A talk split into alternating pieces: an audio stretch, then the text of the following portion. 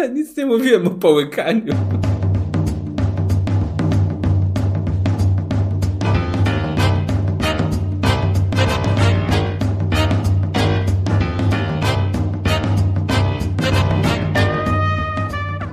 Czy ja ta skarpeta była w końcu? Czy ustaliliśmy raz na zawsze? Nie no. Nie no, moja była, no brudna skarpeta po prostu ściągałem, e, wyrzuciłem ją tam. Niepotrzebnie zauważyłem. No. Mam piękny wstęp. Mogę powiedzieć. Dobrze, to witam Jaką Państwa. To jest, to powiedział. witam Państwa, to jest 38 odcinek Trójkastu. Jest z nami Konrad Noga, Dzień dobry, dobry wieczór, moi kochani mili. jest też Kuba Smolak. Dobry wieczór, witam panów redaktorów i witam wszystkich słuchaczy. Jestem też ja, Kasper Cebrowski, chociaż mam wrażenie, No że już powinienem być prowadzącym tego projektu, bo tak aż już normalnie coś tutaj Konrad mnie powinien przedstawiać. On się takim ta tatusiem trójkastowym zrobił. No ale, ale głosem jest Jakub. Nie, niezmiennie od zawsze. Kasper nie wie, bo nie słuchał przecież. O, już, już, już, zarzuty. Co będzie Dobrze. słuchał, jak go nie ma, prawda? No tak, najbardziej jak samitny głos zniknął, to, to prawda, szkoda. Nie no, żartuję oczywiście. A Jak najbardziej trójkast jest warty słuchania zawsze, nawet jak mnie nie ma, wtedy nawet jest dużo bardziej warty słuchania. E, tak przynajmniej twierdzi Konrad. No ale mm, odstawiając nasze sprawy wewnętrzne na bok i konflikty. to są pomówienia, przepraszam, ja się bardzo cieszyłem. Ja wiem, Ale że się cieszyłeś, jak Ja nie się autentycznie nie mogłem z radości przestać skakać, jak usłyszałem, że będziesz, bo tak dawno cię nie było. No, ja uważam, że jesteś naszym dobrym duchem tutaj No, w, podcastu. idealnym, w idealnym świecie byłbym teraz w Londynie, niestety. Znaczy, stety, stety się nie udało i jestem tutaj z No i wami, co, i byś więc- się mylił na drodze, bo po złej stronie jeżdżą, No by cię jeszcze jakieś prawda. kibole angielskie obiły. Ja oglądałem filmy, jak się tam biją kibice. Tu, tu jest bezpiecznie, Kacper.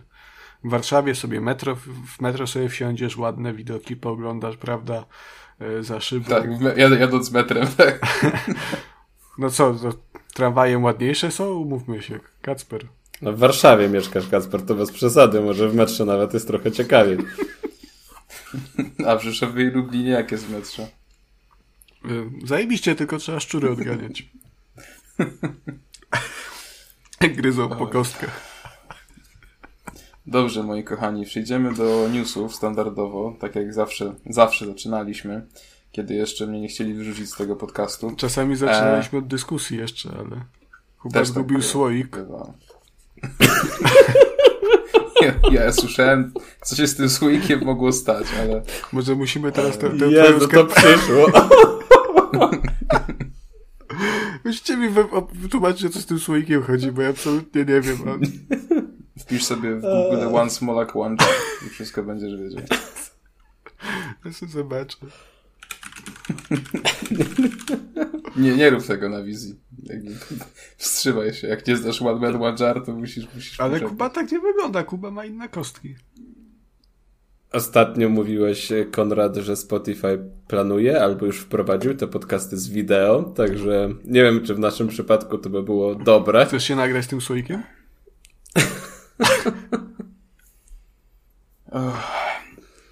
Możesz to, można to połączyć z tym, z Ring Fitem. Przysiady. Fitness ze Smolak. Jar fit. Nie, bo... To trzeba już opatentować teraz szybko, bo nam zginął.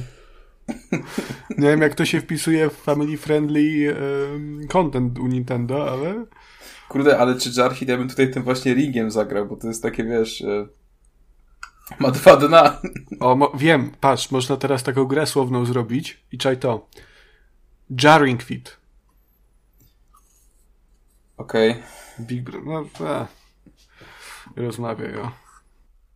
Nie no, zrozumiałem. Jar, ring, Po fit. prostu, po prostu pomaluje się słoik na różowo, domaluje się oczy Kirby'ego i jakoś to będzie. Wtedy słoik wchłonie ciebie. I wtedy pełkniesz. Dobra, e, newsy. E, zacznijmy od sytuacji, od wręcz telenoweli, e, niczym jak miłość, pod tytułem Microsoft kupuje Activision Blizzard, e, czyli coś, co się już toczy ponad rok i właściwie nikt nie wie, jak to się skończy, chociaż każdy z nas może się domyślać. Mm, natomiast śmieszno, śmieszny obrót spraw przyszedł, e, ponieważ e, oczywiście jednym z głównych, e, jednym z głównych oponentów tego przejęcia jest Sony, które co, co chwilę biega do jakichś różnych tam urzędów i mówi, no przecież to będzie absolutna dominacja i tak nie można, oni nam zabiorą Call of Duty, Diablo i Overwatche i wszystkie inne fajne gry. Musicie im zabronić. Eee, no, tak się składa, że, że do tej pory to Sony miało najwięcej tych gier, które były niedostępne na inne platformy, w tym na Xboxa. Zresztą na Xboxa do tej pory są niedostępne. Niektóre skakują tylko na PC-ta. No i tak się stało, e, że sąd postanowił, że Sony musi powiedzieć, ile zapłaciło za gry na wyłączność oraz ile zapłaciło za tak zwane blokowanie praw, czyli trzymanie tych produkcji z dala E, od takich usług jak właśnie Xbox Game Pass, które należą do mm, konkurencji. E, co prawda Microsoft troszeczkę pomarzył i na początku chciał uzyskać dane, które tam w ogóle sięgały do bodajże 2011 roku. To były wszystkie informacje z ponad dekady. No i jest to bardzo długi czas. Sony przeliczyło, że znaczy Sony właśnie powiedziało, że chcą skrócić ten okres do 2019 roku, no i już same te papiery będą ich kosztować tam chyba 2 miliony, e, jeśli się nie mylę, dolarów, co jest oczywiście e, dużą, e, dużą kwotą. Mm, no w każdym razie sąd stwierdził, że też jest ciekaw i chociaż takich rzeczy się raczej głośno nie mówi, to możliwe, że Sony wkrótce po prostu nie będzie miał wyjścia i powie, ile tam daje firmom, żeby robili gry tylko na PlayStation. Co o tym sądzicie? moi drodzy. Ja już jestem bardzo zmęczony całą tą sprawą i już tak ignoruję te wszystkie newsy. Już, mi, już mam wyjebągę, jak to się skończy, byleby się to skończyło, bo już jest tak nudne i tak przykre. A mi się podoba, że z jednej strony są cały czas te trwają negocjacje właśnie, że mm, żeby nie dopuścić do tego wszystkiego, a z drugiej już mamy takie ogłoszenia od Microsoftu, że podpisali sobie deal z Nintendo na 10 lat, że Call of Duty będzie się pojawiało na konsolach Nintendo. Tak, którego, takie... którego nie mają jeszcze, nie? U siebie. To jest takie, my jeszcze nie mamy zgody, ale już podpisujemy. Oni to podpisali z Nintendo i z GeForce Now. Także to jest przepiękne. Znaczy z Ale... GeForce'em tam po prostu obiecali Nvidia, że im dadzą swoje gry do abonamentu, nie? No, ale to Bo nic nie podpisywali jeszcze?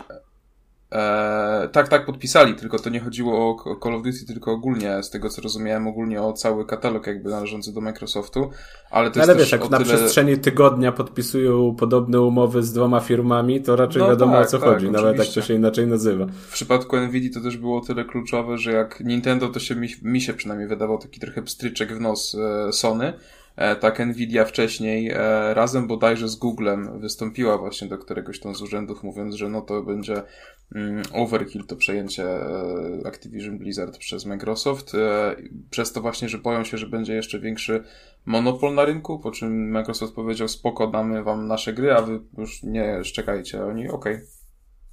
No ale to tak samo z Nintendo, to jest trochę takie działanie po prostu po mm, Chcą udowodnić, że nie będą blokować tego wszystkiego, że przecież dogadaliśmy się z Nintendo, to czego nie mamy się dogadać z Sony. Yy, ale no. No cóż. Ja wiem, ty wiesz, Konrad wie, a, a oni nie wiedzą. Ja mam w ogóle wrażenie, że kiedyś te wojny konsolowe między firmami były dużo ciekawsze i w latach 90. Bo to były patyki, kamienie, pokrzywy się na przykład brało. No nie, to, i to bo nacierało się sądy. przeciwnika, tam, tam Sega krzyczała, że Sega da what Nintendo i było śmiesznie i wesoło. Ktoś tam I tak się robiło palcami, tak. Tak.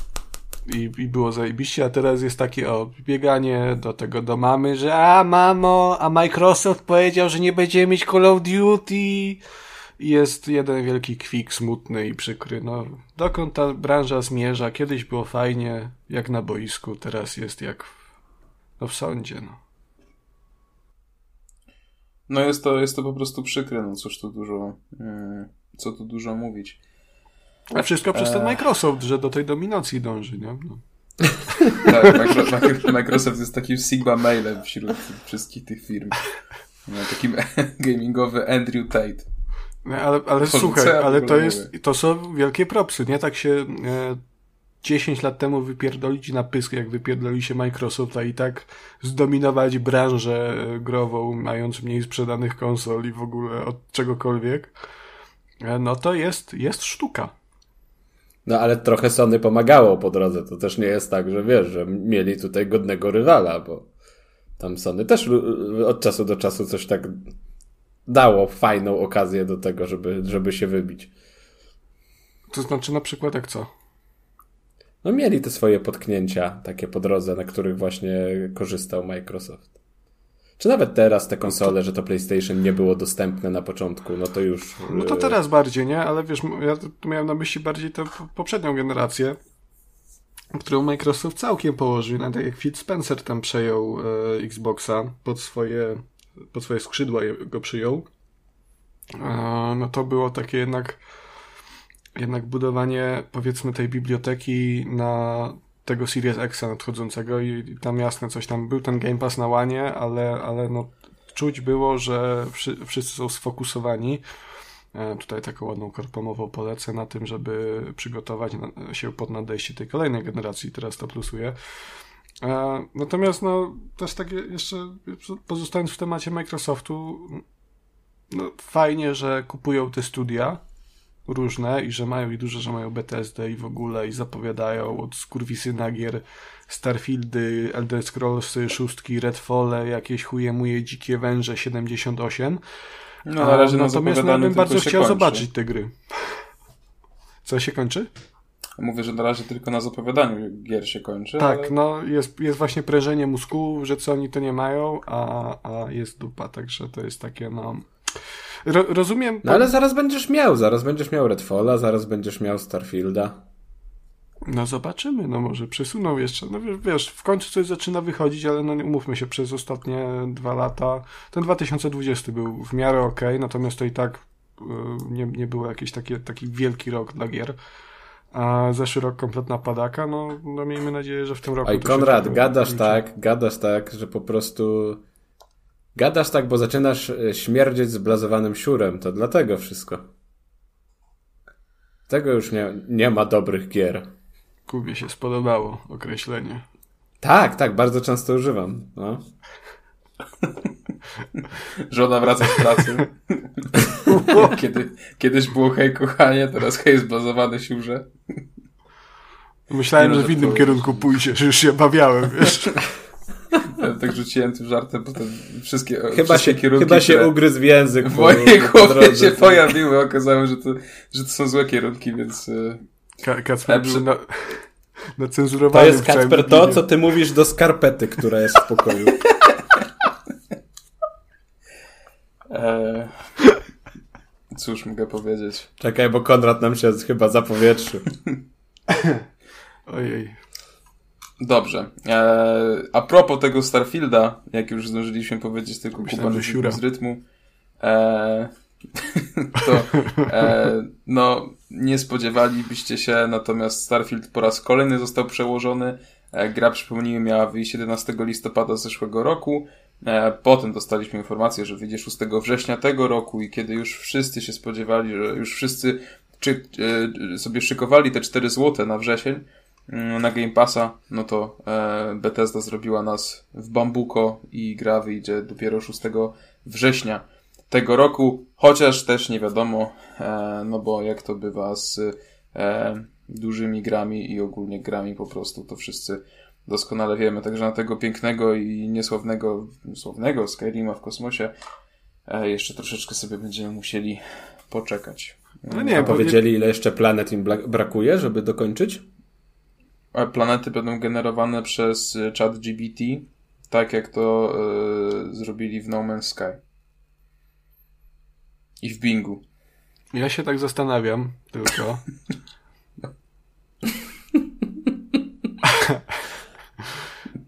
Po cholerę to nie w ogóle... wiem, czy, czy Konrad takiego ignora puścił, czy... no dobrze, no mów, przepraszam. Jakby nie, nie zajeżdżam, bo się zastanawiałem bardzo intensywnie nad tym, jaki jest w ogóle sens przesuwania premiery Starfielda, bo to jest gra Bethesda Softworks, co oznacza mniej więcej tyle, że ta gra i tak wyjdzie zajebiście zabugowana jak 100 synów, więc to nie ma znaczenia. No, a może nie, a może właśnie chcą udowodnić, że teraz będzie inaczej. Tak, że... żeby właśnie taki hejter jak ty, żeby im spalić płytę główną. No, to taki żart, follow-up do Tigera Bonzu. Powinniście się zaśmiać, bo to bardziej wasza era internetu niż moja. Jest. Ale nic, no. Tiger Bonzo nie jest, jest tak stary. Moją erą internetu jest jeszcze Gracjan Rostocki, jak śpiewał o kupie. A ogląda, oglądałeś kiedyś Goty z Gracjanem? No to pewnie. Super, ja, mój ulubiony odcinek to jest Fish and Chips. Chociaż on mówił chyba Chips and Fish. Jak? I tam też właśnie Chips and Fish i właśnie od, odwrócił to. I tam nawet ładną piosenkę zaśpiewał właśnie. Chips and Fish, la la la la la la, Chips and Fish. Bardzo fajny odcinek. Przypom przypomina mi trochę ten rytm e, inną jego piosenkę taką. A ty Kacper ostatnio zmieniłeś fryzurę, prawda? Tak, tak, tak, tak, zmieniłem. To prawda. Ale nie na garnek e, blond jak Gracjan. Chociaż szkoda.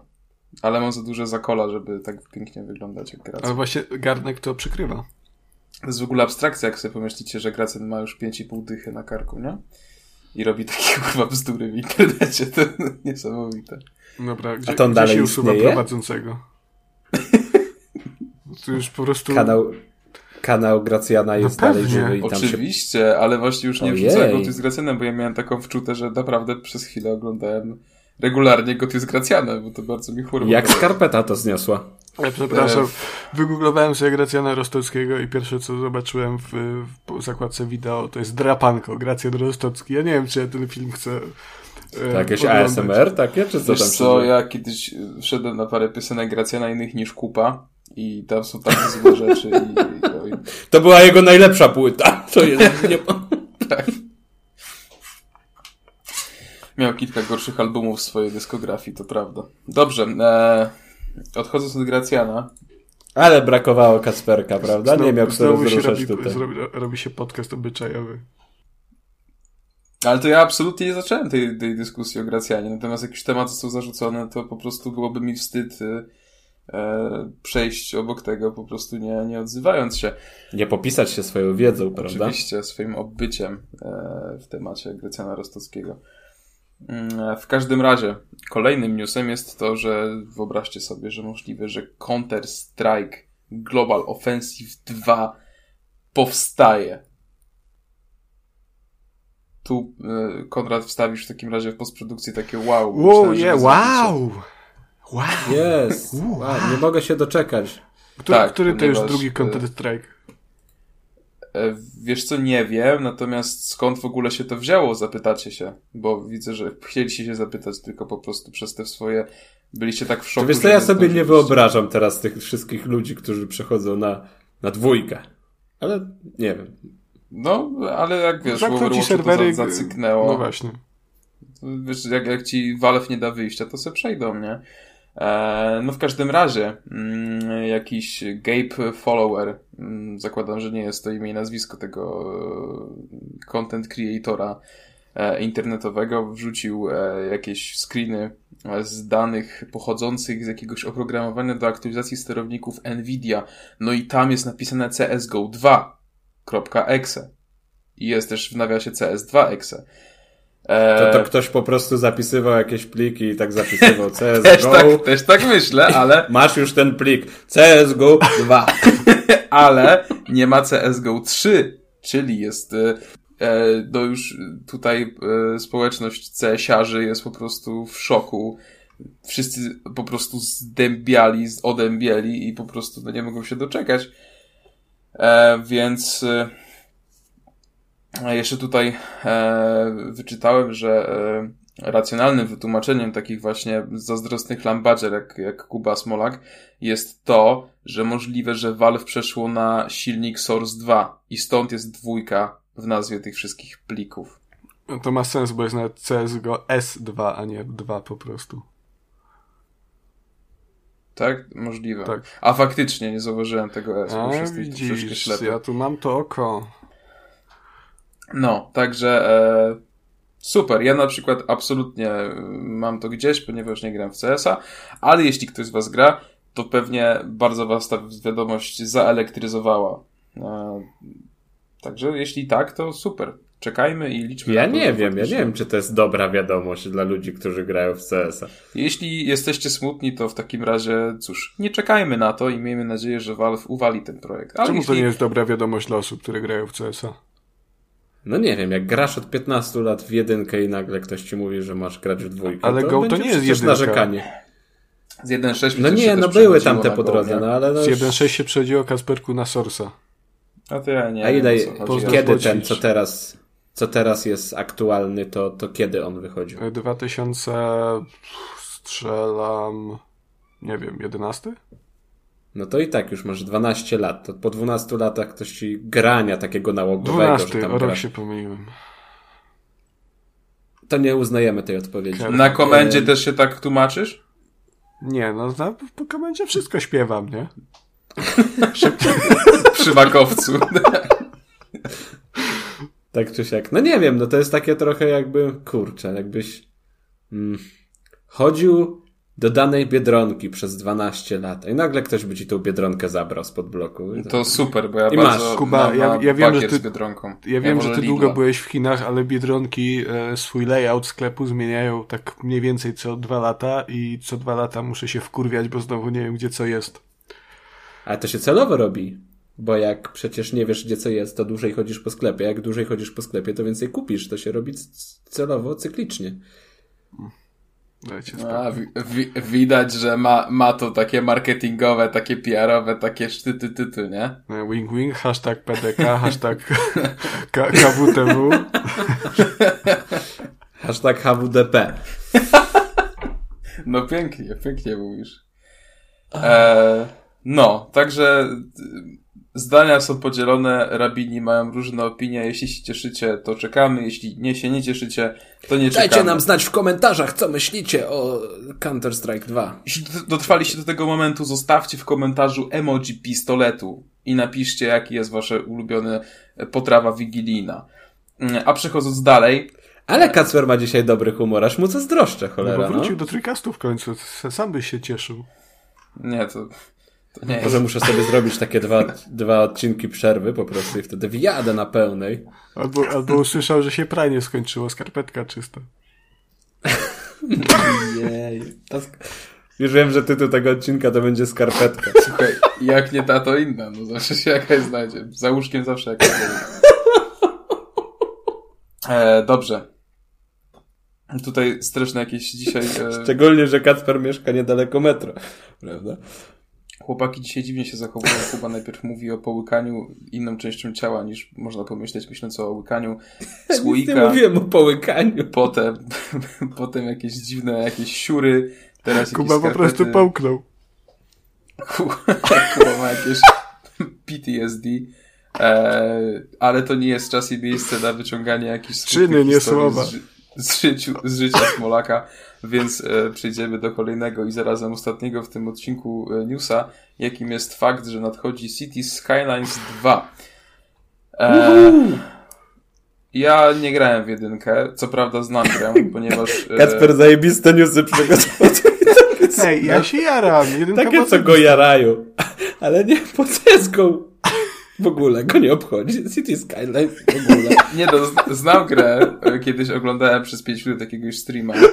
O, kiedy, kiedyś, pamiętam jak miałem jakieś, kurczę, 14 lat, miałem To ty masz na Kasper powiedzieć, że ty jesteś doświadczony gracz, weteran wręcz City Skylines. Tak, tak, tak, tak, był taki streamer, pewnie dalej streamuje. Jak, jak nas słucha, to pewnie, nie- znaczy na pewno nie, ale jak nas słucha, to pozdrawiam. Jezu, się muszę Miał- rozebrać, bo mi się gorąco zrobiło. E, musimy wideo podcasty odpalić w takim razie na pewno. E, I teraz by te donate zaczęły Wracając, był taki streamer ky Kyców. E, bardzo lubiłem oglądać. I on właśnie grał w Euro, Euro Truck Simulator, gdzie jeździł sobie i tam gadał z widzami i można było playlistę robić samemu, że tam linkowało się jakąś muzykę i ona potem leciała i właśnie grał też City Skylines. Super się to oglądało. Znaczy, teraz już dorosłem i pewnie bym tego nie oglądał, ale... Ja, ja nie wiem, co ma, co ma y, playlista w Euro Truck Simulatorze do, do City Skylines, ale dobra. Ale w ramach ciekawostki. E, w tym roku ma być jeszcze premiera. W dniu premiery opór. będzie w Xbox Game Pass. Super. Szykuj się 4 złote.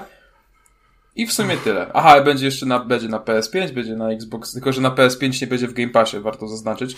Będzie też na Xbox Series X, S i na e, komputerach osobistych e, po angielsku PC lub e, Personal Computer.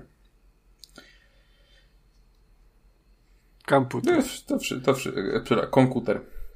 W komputerach będzie osobistych. Tak, no i to... To możecie już sobie zwishllistować. Ja sobie zwishllistuję, bo to jest fajna gra i znowu jak Pewnie. w takie... Ja za, zawsze jak w takie gry gram, to się wciągam, a potem żona mi mówi, że jestem pojebany, bo w ogóle nic się nie dzieje w tej grze i tylko patrzę. Ale to tobie się Konrad tak wydaje, bo ona ci pewnie to mówi cyklicznie, tylko po prostu... A to swoją drogą. o, to pewnie przez to, że gra w City Skylines. To na, na czas, Jak oglądasz te Konrad... swoje chińskie bajki, to na pewno tego nie mówi, prawda? To wszystko przez City Skylines. To... Jak wraca do domu z tyrana z roboty, a Konrad ogląda tam Jojo czy inne jakieś Boku patrz, Pico. Patrz jaką tak... obwodnicę zrobiłem, chodź, zobacz. I tu teraz na random jadą. Dobrze, widzowie, na czas, kiedy Konrad sobie wishlistuje City Skylines 2, wy zostawcie suba, followa, pierdolnijcie w dzwona na YouTubie i zostawcie łapkę. Ja nie wytrzymam dzisiaj tego odcinka, to będzie za dużo. Ja się nie spodziewałem po prostu takich emocji. Ja bym, ja bym z tym pierdolnięciem w dzwona to bym też uważał, bo jak ktoś słucha w trakcie jazdy samochodem, to... to... Przestań tak mówić głupio. Chodzi o dzwona na YouTubie obok przycisku subskrybuj, który mam nadzieję, że jest szary, ponieważ już go kliknęliście. A jeśli nie jest, to to zróbcie. A jeśli był szary, ale kliknęliście drugi raz i jest czerwony, to kliknijcie ponownie, żeby znowu był szary. Mi się wydaje, że przez te dwa odcinki, co, co Kacper nie było, po prostu gdzieś komuś rozkręcał kanał na YouTubie. Gdzieś. Może Gracjanowi, nie wiem, możliwe. Tak. Zrobiłem krosa. Miałem praktyki u Staszu Gracjana Rostockiego. Ja Ale przyszedł kompletnie mówię, odmieniony, kocham to. Z, kas, z, z, z Gracjanem. O Jezu. To się skondensowało po prostu. Dwa odcinki bez Kacpra i to wróciło jak bumerang po prostu. O kurwa. To są emocje. Uff. Nie no, myślę, że Co, gdybym... pięć minut na rozchodzenie robimy? myślę, że gdybym miał starszą na to byłbym bardziej śpiewny. Nudystą byś został. Nudystą? No bo Gracjan jest nudystą, znowu Kasjan miałem powiedzieć. Gracjan jest nudystą? Jest nudystą, nie wiedziałeś o tym? Nie. No przecież... To... No, ten, no czekaj, ci znajdę. A masz takie... Dobra, nie, nie zadam tego pytania. O, na dzikiej plaży tu jest, ale był taki, od, czekaj, piosenkę miał e, Błotko chyba. O, tak, gdzie Gracjan Rostocki siedzi sobie nago e, w błocie i śpiewa. No, wyślę link. Mhm. To my dzisiaj mamy takie trochę YouTube party. A możemy zrobić World Together jak na odcinkach retro. Z Gracjanem nagim. To się będzie wtedy rozmawiało. Dobra, y, podcast obyczajowy się robi, także co tam dalej? E, to już tyle, jeśli chodzi o newsy.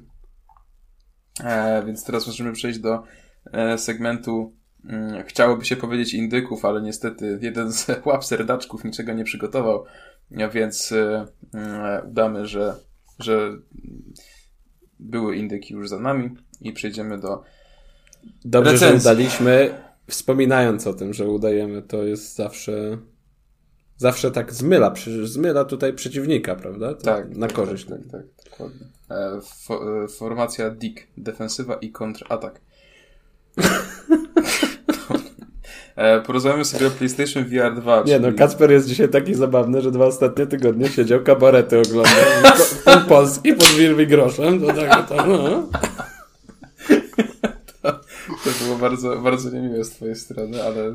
Żeby ale było śmiesznie. śmieszniej, drodzy słuchacze, to Kacper teraz siedzi przebrany za babę, a jest chłopem.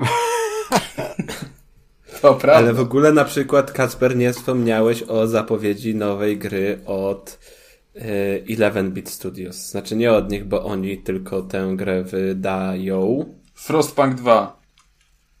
Frostpunk 2 to będzie. Frostpunk 3. To... Ojej, jaka to jest trudna nazwa. Konrad, ty jesteś... Frostpunk ty jesteś S2. Specy... A jak to się nazywa? No, no, jaka trudna nazwa. Ty jesteś specjalistą. A jak to się nazywa? No, Jakbym to wiedział, to... no, to mi wyślij tytuł na Discordzie, ja ci przeczytam ładnie. Już ci... Już ci będzie. To jest jakieś... To cię chuj, no To to, tak będzie ładnie- jakieś... Ty zrobisz takie ładne, takie ładne th. Fefafa fyrefuf. The Thaumaturge? Coś takiego? Zajebista Możliwe. nazwa. Żeby Polacy taką grę Właśnie robili. chwy- Wstyd. Chwytliwa, chwytliwa. Wstyd. E, A znaczenie? Znamy tego słówka? W sumie, bo patrz, nawet Nie nie, mam pojęcia. nie, nie, nie zastanawiałem się nad tym. Taka gra jest. Cudotwórca. To znaczy cudotwórca. I to jest takie słówko polskie taumaturg. O, to Kuba, ja bym mógł o tobie tak mówić. Thaumaturge. to- Oj, źle przeczytałeś, Konrad. No Bo to niestety. chyba nie jest angielskie słówko, co nie? E, To jest znaczy, jakieś takie trochę... Znaczy mówmy się, w języku angielskim pochodzenie tych słówek jest e, bardzo różne. A, I dlatego wymowa tych, tych e, słów jest tak bardzo popierdolona. No czasami jest trudno zgadnąć, jak się jakieś słowo wymawia. Swoją drogą y, tragiczna nazwa. Ja bym tu przyjął tą zasadę, co z Disciplesami w ostatnim odcinku, że to będzie tamaturgę. I po prostu tyle. No, W ogóle, w ogóle nie jest catchy ta nazwa. E, Tak czy siak, grę zapowiedzieli, a fajne jest to, mi się podoba, że nad tym pracuje Fool's Theory i to są e, ludzie, którzy robili e, Seven, Mhm. No i to była bardzo fajna gra. Ona miała dużo, dużo, dużo, dużo błędów i, i, i mm, No właśnie pamiętam, że nie była przyjęta zbyt dobrze. Tak, ale ja pamiętam, że recenzowałem, grałem, bawiłem się fajnie, bo tam mi się podobał, no raz, raz że ta perspektywa, ten rzut izometryczny był, był fajny, mm, sprawdzało się to, a podobała mi się jeszcze taka otwartość tego świata, że, że w sumie to faktycznie była troszkę taka piaskownica, że sobie możesz pójść gdzie chcesz i robić co chcesz, taki otwarty świat i tam było sporo miejsca na kombinowanie, Trochę to kombinowanie tak działało na twoją korzyść też z tym, że gra nie była sama w sobie dopracowana, ale pamiętam, że miałem dużo frajdy z odkrywania i właśnie... plus. To jest trochę plus, to jest trochę case Gotika, e, Kasper. O Jezus, nie. No, to się możesz właśnie nie, nie orientować, nie, nie lubić, nie wiedzieć. To, czy, Ale bo, bo w jest sobie- bardziej PlayStationowy, to jest em, taki kasus trochę Life of Black Tiger 2. To już więcej mówi mi Gothic niestety. To już nie znasz tej gry? Boże. To jest najlepszy X na PlayStation. Dobra, Także ale tak, co pokazali, gadacie? pokazali, pokazali trailer, pokazali fragment gameplayu, no ludzi zachwyciło to, że to będzie się działo w Warszawie, moi drodzy, w ogóle. Akcja tej gry się będzie rozgrywać. W Polska za 1905. granicą. w którym? W 1905. W 1905, tak, No zgadza tak się. patrzę ten trailer, no ta Warszawa wygląda jak po Marszu Niepodległości po prostu. Tam jakieś rozkopane te są. Kostka brukowa, no, taka norma, jakieś, jakieś potworusy. Warszawa jak Warszawa, prawda? No, o, gacie wiszą, no to Tylko Tylko chyba... Skarpeta leży. E, Mniej żabek wtedy było. Dopiero się pierwsze pojawiały, ale, ale tak to, to, to, to, to spoko. E, Nie wiem, ja- ja jestem ciekawy głównie dlatego, że właśnie to są twórcy Seven, a, a jak wyjdzie to, to zobaczymy. E, czekaj, bo tutaj jest... Kacper, ty mieszkasz na Pradze? Nie, ty nie mieszkasz, na, nie, na Pradze mieszkasz, dobrze pamiętam. Tak, tak, tak. No Niestety. to widzisz, patrz. Kacper jak u siebie się Pomimo poczuje. zaistniałych okoliczności miasto stanowi tętniącą życiem metropolię, w której można odwiedzić zabierającą dech w piersiach imprezę wyższych sfer, by po niej zostać obrabowanym w jednym z ciemnych zaułków. No jest, Lata, lata lecą, ale to się nie zmienia. Ostatnio, ostatnio ciekawostka, bo ja, kurczę, jestem tak między Targówkiem a, a Pragą, zależy kogo spytasz, ale jest... Ale ty już za dużo szczegółów dajesz, odnajdą cię fani. Kac- Kacper Przepraszam, to jest, wiesz, e, cofam. Konrad, proszę to wyciąć. jak cofnął, jak cofnął, to się, cofnął, nie liczy się, już nie wiecie Ka- teraz. W każdym razie e, mieszkam tak, no tak, e, tak o. Nie, i jest taka Nie no, my wiedzieliśmy po zdjęciach, że tak o. e, kulturalne miejsce, bardzo ładne i które jest takim jakby takim odgranicznikiem dzielnic i jak przez nie przejdziesz, to jesteś na Pradze Północ. E, i ostatnio sobie spacerując wieczorem pan pod żabką zapytał się, czy chce dostać pierdol, ponieważ nie, ponieważ się wed- według pana bardzo się woziłem wchodząc do żabki, a ja po prostu chciałem sobie kupić e, soczek Kacper jak taki pimp wszedł do, do, do żabki, kurwa, po prostu, wiesz, z laską ze wszystkim. No, tak czy siak, e, Praga cały czas jest niezastąpiona, jest to wspaniała dzielnica, jak chcecie e, stracić zęby, to zapraszam. jest świet, świetne warunki. Raz prawie straciłem, nie polecam. Niezbyt A tak, przyjemne tak, doświadczenie. Nawet, nawet o tym opowiadałeś na koncercie, jak robiłeś pogo na koncercie Tymka mm, do e, Język Ciała, pamiętamy. Nie no, e... no, Fasolek to był koncert. Dobrze. E, przechodzimy do mm, recenzji, tudzież opinii, tudzież pierwszych wrażeń. E, wszystkie jeszcze inne jakieś e, takie frazy seowskie możemy tutaj wrzucić. E, w każdym razie pogadamy o PlayStation VR 2, czyli e, goglach drugiej generacji od e, Sony, które miałem przyjemność, e, mam zresztą nadal przyjemność testować. No temat troszeczkę się przedłużył przez różne tam perypetie i, fakt, że mnie nie było ostatnio. E, natomiast bardzo gorąco, chętnie i z dziką rozkoszą teraz wam to wszystko e, nadrobię. E, same gogle, cóż. Zacznijmy może od samego designu, który mi się osobiście bardzo podoba i to jest w sumie to samo, co mm, w sumie mogliśmy się spodziewać, czyli połączenie czarnego koloru z białym kolorem, takie dosyć futurystyczne elementy, w szczególności jeśli chodzi o te kontrolery, bo one są bardzo niestandardowe, zresztą Mm, są, ładnie wyglądają, natomiast jest y, kłopot, e, że jeśli macie gogle na, na sobie, to nie wiecie jak je złapać. Chociaż e, na dole gogli Myślałem, że nie wiecie guzik. jaki jest kolor. E, na dole gogli jest taki guzik w dolnej części, który jak klikniecie, to wam przełącza e, widok z e, gry, tudzież z menu konsoli na obraz rejestrowany przez te kamerki, które są na froncie headsetu, więc wszystko możecie widzieć. Mm, tylko, że to jest wszystko czarno-białe, ale wystarczy wam to, żeby zlokalizować przyciski i wiedzieć, jak złapać kontrolery. Jak macie na sobie gogle, to, to w żabce są problemy później. Gadam tak. z tymi goglami poszedł do tej żabki, dlatego się wkurwił tam. E, ogólnie... E... Zrobię takiego cyberpunka. Oj Boże. E, Całość prezentuje się bardzo fajnie. Mm, łączy tak, już bym powiedział, dzisiejsze standardy z takim delikatnym futuryzmem. E, chyba nie aż tak ekstrawaganckim jak w przypadku samej konsoli, bo PS5 to tam wzbudzała skrajne emocje, głównie rzecz przez swój rozmiar, nie? E, natomiast tutaj PSVR 2 raczej sam headset nie jest wcale aż taki e, kontrowersyjny. W każdym razie rzuca się w oczy, no i głównie przez te kontrolery łatwo rozpoznać, że jest to właśnie propozycja od, e, od Sony. Mm, dużym minusem jest fakt, że jest kabel. Nie da się tego kabla odpiąć. Jest to sprzęt przewodowy, co jest, no, jakby to jest Steel jeden kabel USB-C, który jest bardzo długi zresztą i e, no raczej nie będziecie mieli sytuacji, że pociągniecie konsolę za sobą. Natomiast do żabki. Do żabki. Natomiast w dobie e, bezprzewodowego Oculusa no wypuszczanie mm, kasku z, z kablem jest troszeczkę e, smutne. Więc tutaj troszeczkę. Wyobrazi wyobraziłem sobie właśnie taki trailer tego VR-a dwójki, tam recenzja Kacpra, taki cytat. Kask z kablem. Ale e, ty, Kacper, ty się może orientujesz, jak to jest z tymi okulusami? E, bo wiem, że Quest e, ten dwójka, on jest, działa jako, jako swoje no, standalone gogle i można sobie na nim grać normalnie bez podpinania do niczego, bezprzewodowo. Natomiast chyba jeżeli chciałbyś to podpiąć do PC, to i tak musisz mieć kabel.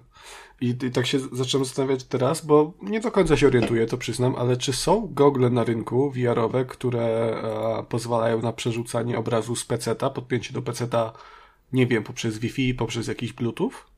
Bez, w ogóle Wiesz bez kabla? E, szczerze nie wiem, jak już to bym podrywał w tym MetaQuestie Pro albo w tym HTC Vive X R chyba to się nazywa. E, w sensie te, co dopiero będą i będą kosztować 8000 złotych e, około, czy tam, no powiedzmy tam od 7 do 10. E, tylko, że tutaj też trzeba, znaczy jeśli chodzi o samo to, to mówię, nie jestem, nie jestem pewien, natomiast wydaje mi się, że tak, bo te gogle, które właśnie od HTC czy od Mety, to będą gogle, które gaming to właściwie będzie tylko malutka część, one będą się skupiały na VR-ze no, i AR-ze.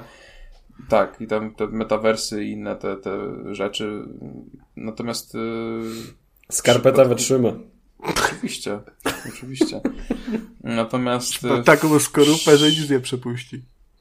W przypadku gier nie wiem, szczerze powiem, że nie wiem, nie chcę kłamać. E, natomiast, no wiesz, tak czy siak, do czego zaraz też chciałem przejść na końcu, ale możemy przejść teraz.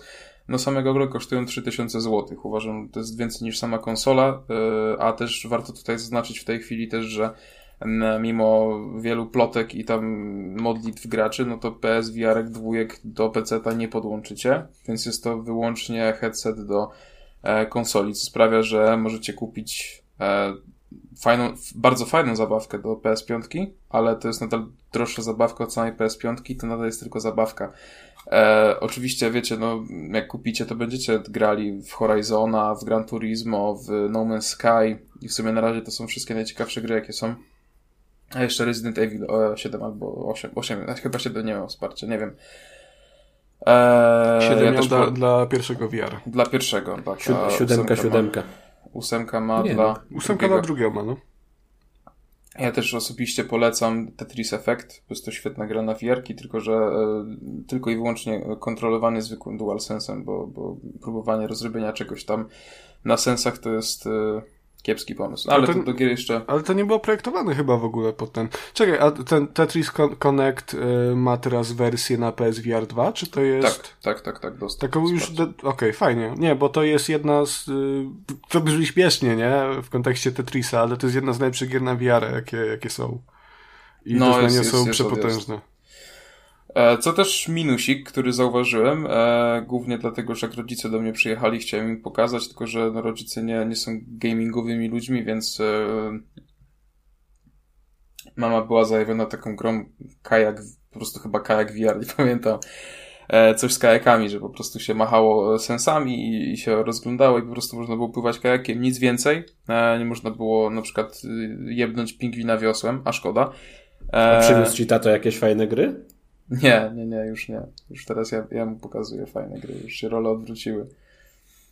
Eee, Tatę no. trzeba podlewelować teraz trochę. Tak. Eee, ale chciałem też im włączyć jakieś takie, wiecie, jak są na YouTubie te wszystkie sklejki, że tam, nie wiem, roller coaster, czy tam jakaś, nie wiem, start rakiety. No to PSVR 2 nie wspiera y, filmów VR na YouTubie na PS5. Eee, czy jest to coś... Co z innymi portalami, Kacper? Z innymi, no nie sprawdzałem, bo nie wiem, czy PS5 ma finalnie tą przeglądarkę. Sprawdzałem kiedyś na goglach do smart... Nie, co ja... Nie, nieważne. E... w każdym razie, e... no nie wspiera... E, raczej nie jest to super problem, ale są sytuacje, w których może tego zabraknąć, no generalnie już troszeczkę szkoda, bo a jeśli wydajecie trzy koła na Google, to możecie oczekiwać tego, że założycie babci, włączycie jej roller coaster i ona będzie mm, w szoku i będzie krzyczeć na, na, Chyba na hotelu. zawału dostanie. Ty chcesz babcię wykończyć. Ka Kacper no, kombinuje, jak tu kawalerkę odziedziczyć, prawda? Na Pradze.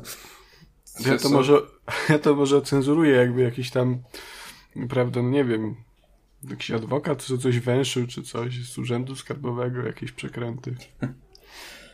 Oj, w każdym razie, e, do zestawu dołączone są jeszcze słuchawki douszne z, z gumkami dokanałowymi, które można wpiąć w tył headsetu i je się wsadza do uszu podczas grania. No nie jest to nic fenomenalnego, one zresztą nie wyglądają jakoś wybitnie, ale dają radę i wydaje mi się, że do grania nie jest potrzebne nic więcej. Natomiast jeśli chcecie podpiąć swój, jakiś tam macie swoje super słuchawki, to możecie sobie podpiąć mini jackiem do, do headseta i mieć swoje słuchawki na głowie, czy w uszach, jak, jakkolwiek wam wygodniej. E, same gogle są wygodne.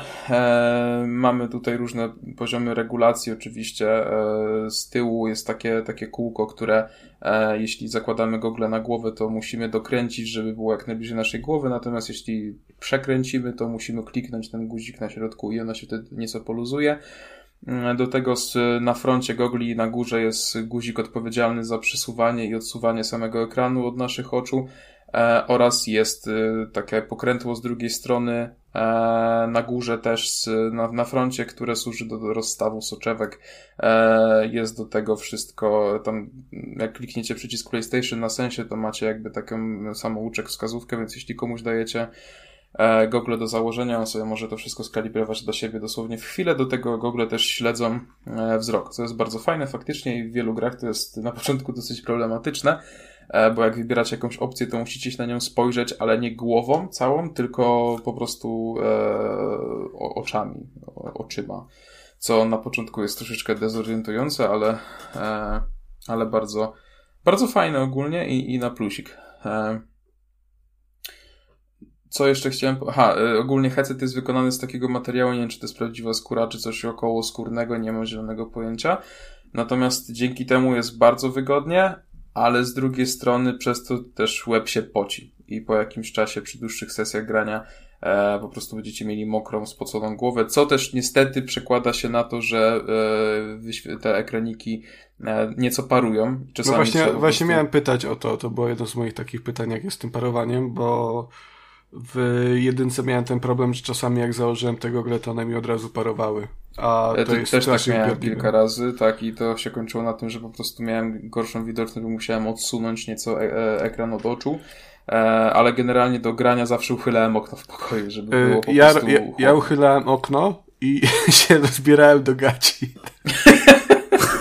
okay. Ale się śmiej, ale dopiero wtedy tak, wiesz, przestawałem się pocić, nie? ale ro rolety były odsunięte, także... Tak, na parterze mieszkałem wtedy, nie? No, no cóż, no, good for you, no. Konrad jesteś... nam mówił, że się przeprowadzi, on po prostu został wyrzucony. A jak już jesteśmy przy, przy tych um, okularkach, przy tych, nie goglach, e, soczewkach i w ogóle, chciałem się tylko zapytać, e, dwa pytania mam, jeżeli mogę, czy wolisz potem? Ale oczywiście, wal, słucham. E, po pierwsze, jak tam z twoimi pinglami tam? No, bez okularów oczywiście. Y, ściągałem e, okulary do grania i generalnie nie było problemu. Było troszeczkę zamazane, ale y, ten sam kłopot miały wszystkie osoby inne, które grały na tym headsetie, nawet które nie mają jakiejś tam dużej, albo nie mają w ogóle. To, to, to, znaczy tutaj właśnie wychodzi to, że Kacper jak ci zaparuje, to tam trzeba przetrzeć. Tak, wiem. E, robiłem to skarpetą. E, natomiast e, tak Czysto, czy, czy czymś czystym. A, no to widzisz, mój błąd. Natomiast, y, e, no, e, ogólnie w sensie widać wszystko i tak dalej, ale no nie jest to y, jakość napisów, to jest bardziej 480p niż 4K. No i to, to właśnie tutaj jest to moje drugie pytanie, bo mhm. um, te gogle mają dwa razy, no prawie dwa razy większą rozdzielczość niż mm, jedynka, no bo to, tam jedynka to była 960 na 1080, co jest w ogóle jakąś śmieszną rozdzielczością. Te to są już 2000 na 2000, 2040 na oko. E, no i pamiętam, że ta jedynka strasznie mnie to wybijało, że to była straszna pikseloza tam. E, jak to wygląda tutaj? Czy, czy nie, nie, nie, no tu jest dużo, jest żyleta, dużo lepiej. Czy... Jest, jest, jest, powiem Ci, że oczywiście no nie jest to jakoś taka, jakbyś odpalił sobie no powiedzmy to Gran Turismo, tak? Więc wiadomo, że jeśli masz telewizor 4K z HDR-em i, i tak dalej, to będzie wyglądać dużo fajniej to Gran Turismo.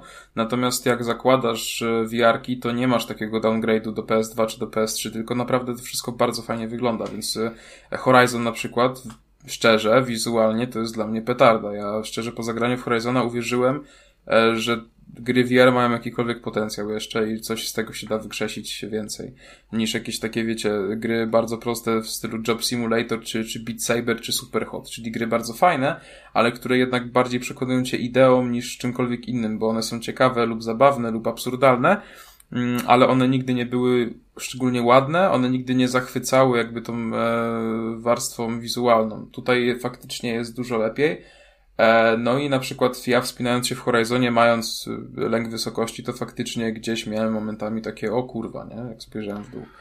E, no, więc... to jest, jest, jest postęp, bo wydaje mi się w ogóle, że jeżeli chodzi o konsolowe VR, to do tej pory, no mieliśmy jedne gogle, nie? Te PSVR-owe, mhm. które e, były jakie były, no ale one były jakie były, bo były tanie, nie? Bo one tam kosztowały trochę ponad tysiaka, co jest w ogóle śmieszną ceną za VR. Um, a, a domeną znaczy to takie gry bardzo rozwinięte, bardzo ładne, które wsiąkały właśnie takie jak Half-Life Alyx, jakieś te e, Saints and Sinnersy, Bon Boneworksy są ponoć bardzo, bardzo dobre.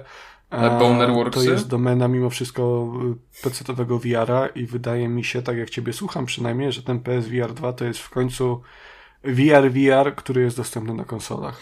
Tak, w sensie pod względem, to jest, jeszcze raz zaznaczę, że to jest, y, to są gogle stricte gamingowe. Tutaj nie będzie żadnych metaversów, nie będzie żadnego AR, nie ma wsparcia AR w ogóle, e, więc nie będziecie mogli sobie założyć PSVR 2 i mieć dodatkowy monitor e, pracując. Natomiast jeśli chodzi o gaming, uważam, że spełnili tutaj, jakby zrobili 100% swojej roboty. Szkoda tylko, że jest ten kabel, no i szkoda, że nie ma tej integralności z, e, z pecetami, nie? To jest problem, który mnie osobiście na przykład nie dotyczy. E, natomiast jakby, e, no tak jak się mówił przed premierą, sama specyfikacja, którą Sony ogłosiło wcześniej, to jest petarda.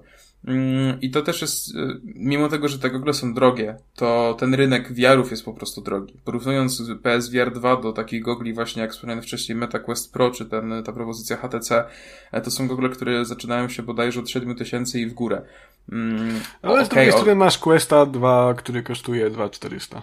Tak, to też prawda, nie? Natomiast no, ten VR 2 jest świetny, Eee, jeśli chodzi o gry, tylko no mnie najbardziej nurtuje ten kabel. Natomiast tak czy siak jest to no, duży, duży skok zdecydowanie i fajnie, że wreszcie e, gracze konsoli mogą doświadczyć e, sensownego, e, sensownego VR-a, a nie, nie taką popierdółkę. Co prawda wiadomo, no VR pierwszy wychodził w innych czasach, wtedy też były inne standardy, natomiast no tutaj faktycznie czuć, że wreszcie ten VR cały czas to dla mnie osobiście e, konsolowy VR mam na myśli. To była technologia taka bardzo raczkująca. W sensie tutaj, no były jakieś gierki, ale...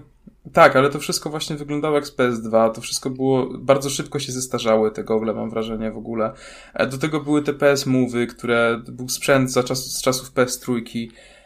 No to kurczę średnio działało, no bo to, to, też warto pamiętać, że pierwszy PSVR był klejony trochę na ślinę, nie? To było takie tak. wykorzystywanie, no, kombinowali jak mogli, nie? Jak, jak koń pod górę, żeby tego VR-a upchać i stąd to wykorzystanie PS Move'ów które w momencie premiery no miały te chyba 5 czy 6 lat, no bo to mówisz technologia z PS3, nie?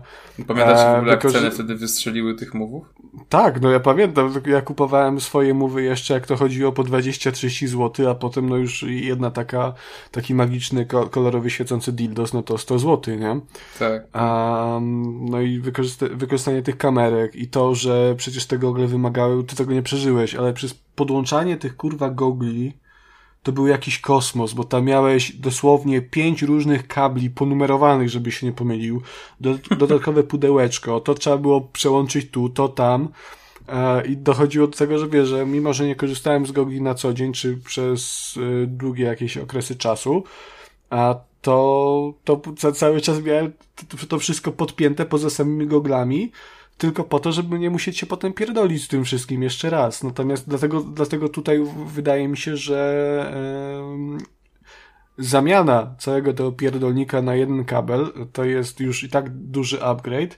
Nie no, a, pewnie, to jest sam... kolosalny upgrade, nie? Tutaj nie a ma co sam... gadać. Ja też sam nie, nie jestem, wiesz, pewien, czy to by było w ogóle możliwe, żeby przesyłać ten obraz w, w sensownym, nie wiem, bitrate, klatkarzu, rozdzielczości, E, na Google bez kabla. No, nie znam się tak na tym, nie siedzę tak bardzo w VR-ze. E, także, no jeżeli ktoś ma jakiś tutaj insight taki, e, bardziej się zna od nas na, na temat VR-u, to bardzo chętnie bym, bym usłyszał, nie? czy w ogóle jest, jest to możliwe, czy nie. No. To jeszcze mam dwa pytanka, jeśli mogę. Oczywiście. Pierwsze pytanko to takie, czy, czy były wymiotki, czy robiło się niedobrze podczas grania tobie albo komuś, kto miał okazję tam u ciebie testować sprzęt? Wiesz co, nie. Eee, nie było, natomiast ja sam e, z siebie to mm, ja nigdy nie miałem kłopotu z VR-em. W sensie ja wiem, że są ludzie, którzy jak zakładają, to teraz mają dłości. Na mnie nigdy to nie działało w ten sposób. Miałem tylko przy jednej grze, ale to nie było do końca tak, że mnie brało na, na wymioty, tylko do tego wrócę zaraz, bo będziemy jeszcze gadać o dwóch grach na VR, więc y, to, później do, do Dobra, tego. A, a miałeś pytanie? Mogę, mogę ci tylko przerwać, bo w temacie mam pytanie, Kuba? Nie. To chuj ci w tyce. E, I tak ci przerwę. A miałeś taką chorobę powiarową? Eee, to no znaczy... nie było go dwa, dwa odcinki go nie było, no daj spokój, przecież dochodził do siebie. Bo to, to, pamiętam, że jak ja kupiłem swoje pierwsze gogle, jedyne jak na razie, To Konrad, ty byłeś nago przy otwartym oknie w grudniu. Ale Ty to nie, że to tak. nie to, to wtedy to było y, nago na fotelu przy otwartym oknie w lipcu. To inaczej. E, e, jak, jak kupiłem pierwsze swoje gogle i tam zrobiłem sobie sesję dwugodzinną Wolfensteina Cyberpilota, e, czyli w sumie całą grę przeszedłem, bo tyle trwała, to pamiętam, że potem miałem tak, takie pojebane uczucie, e, że leżałem na łóżku i takie miałem wrażenie, że ta moja ręka, którą teraz ruszam, to że to nie jest moja ręka. I to było Mm, tak okej. tri- coś tripowego. Nie, to miałeś- nie miałem tak. Miałeś takie miałem- bóle fantomowe. To może te Bo- narkotyki to były. Bardziej miałem tylko coś takiego, że po prostu miałem, e, nie wiem, ciężej mi się Ty, rozglądało. Konrad, miałeś tu cyberpsychozę, co była w cyberpunku chyba, to coś takiego, tak? Pod, ym, tam się niektórym bohaterom, postaciom przytrafiałeś i przydawkowałeś z y, tymi dodatkowymi wszczepami i tak dalej. Oj tam, oj tam. Jeden wszczep to nie wszczepoman. Ciekawy, gdzie jest ten wszczep. W dupie. Dobrze, Kuba, drugie pytanie, słucham. Mm, po prostu, czekaj, bo e, zawiesiłem się. E, poziom kompetentności mnie przytłoczył. E, I wysoki poziom merytoryczny tego odcinka. Drugie pytanie. A, dobra. A to w sumie już będzie też nawiązywało do recenzji, bo, bo myślę, że zmierzamy w tym kierunku e, Horizona. Czy jak sobie grałeś w tego Horizona, to czułeś, że w tym sprzęcie jest jeszcze miejsce na więcej, że da się jeszcze więcej wyciągnąć z tych gogli i w ogóle z samego PlayStation, y, żeby no powiedzmy za te parę lat te mm, możliwości oferowane przez ten sprzęt były jeszcze w... W sensie, czy, czy jest lepsze? szansa, żeby dać kurwie miodu? Co? Kacper, musimy porozmawiać na temat twoich relacji się- z kobietami. Co tam się wydarzy? To chodzi o samochód. Co, jakimi kobietami? Co ty mówisz? Nigdy bym tak kobiety nie nazwał. Obrzydliwe, obrzydliwie się teraz zachowałeś, Konrad. Eee, wiesz co, ciężko mi powiedzieć. Nie wiem, bo... Nie E, ja mi oddaję, kurwa. Czekaj, czekaj, czy Kasper powiedział to, co ja myślę, że on powiedział, czy ja się prze, przesłyszałem? Ale co? A co, co myślisz, że powiedział? Nie powiem tego na głos. No wszystkich. Daj spokój, nie powiem. No nie powiedz, ja powiem ja wytnę. głos. Nie powiem, ja ci nie ufam. No, zaufaj mi, Ja, mi, zaufaj. takie, mi takie słowa przez gardło nie przejdą nawet. No, zaufaj mi, chodź, pokażę ci fajne kotki są w piwnicy. Chodź, powiesz mi wszystko na łóżko. Spokój, ja bym w życiu, ja bym w życiu takiego słowa nie powiedział, tego słowa na K. Kaczyński? Ale dobrze, już y, Kasper, kontynuuj. Eee, Daj tam komu chcesz, daj co chcesz, nie ma znaczenia. Kurwie miodu.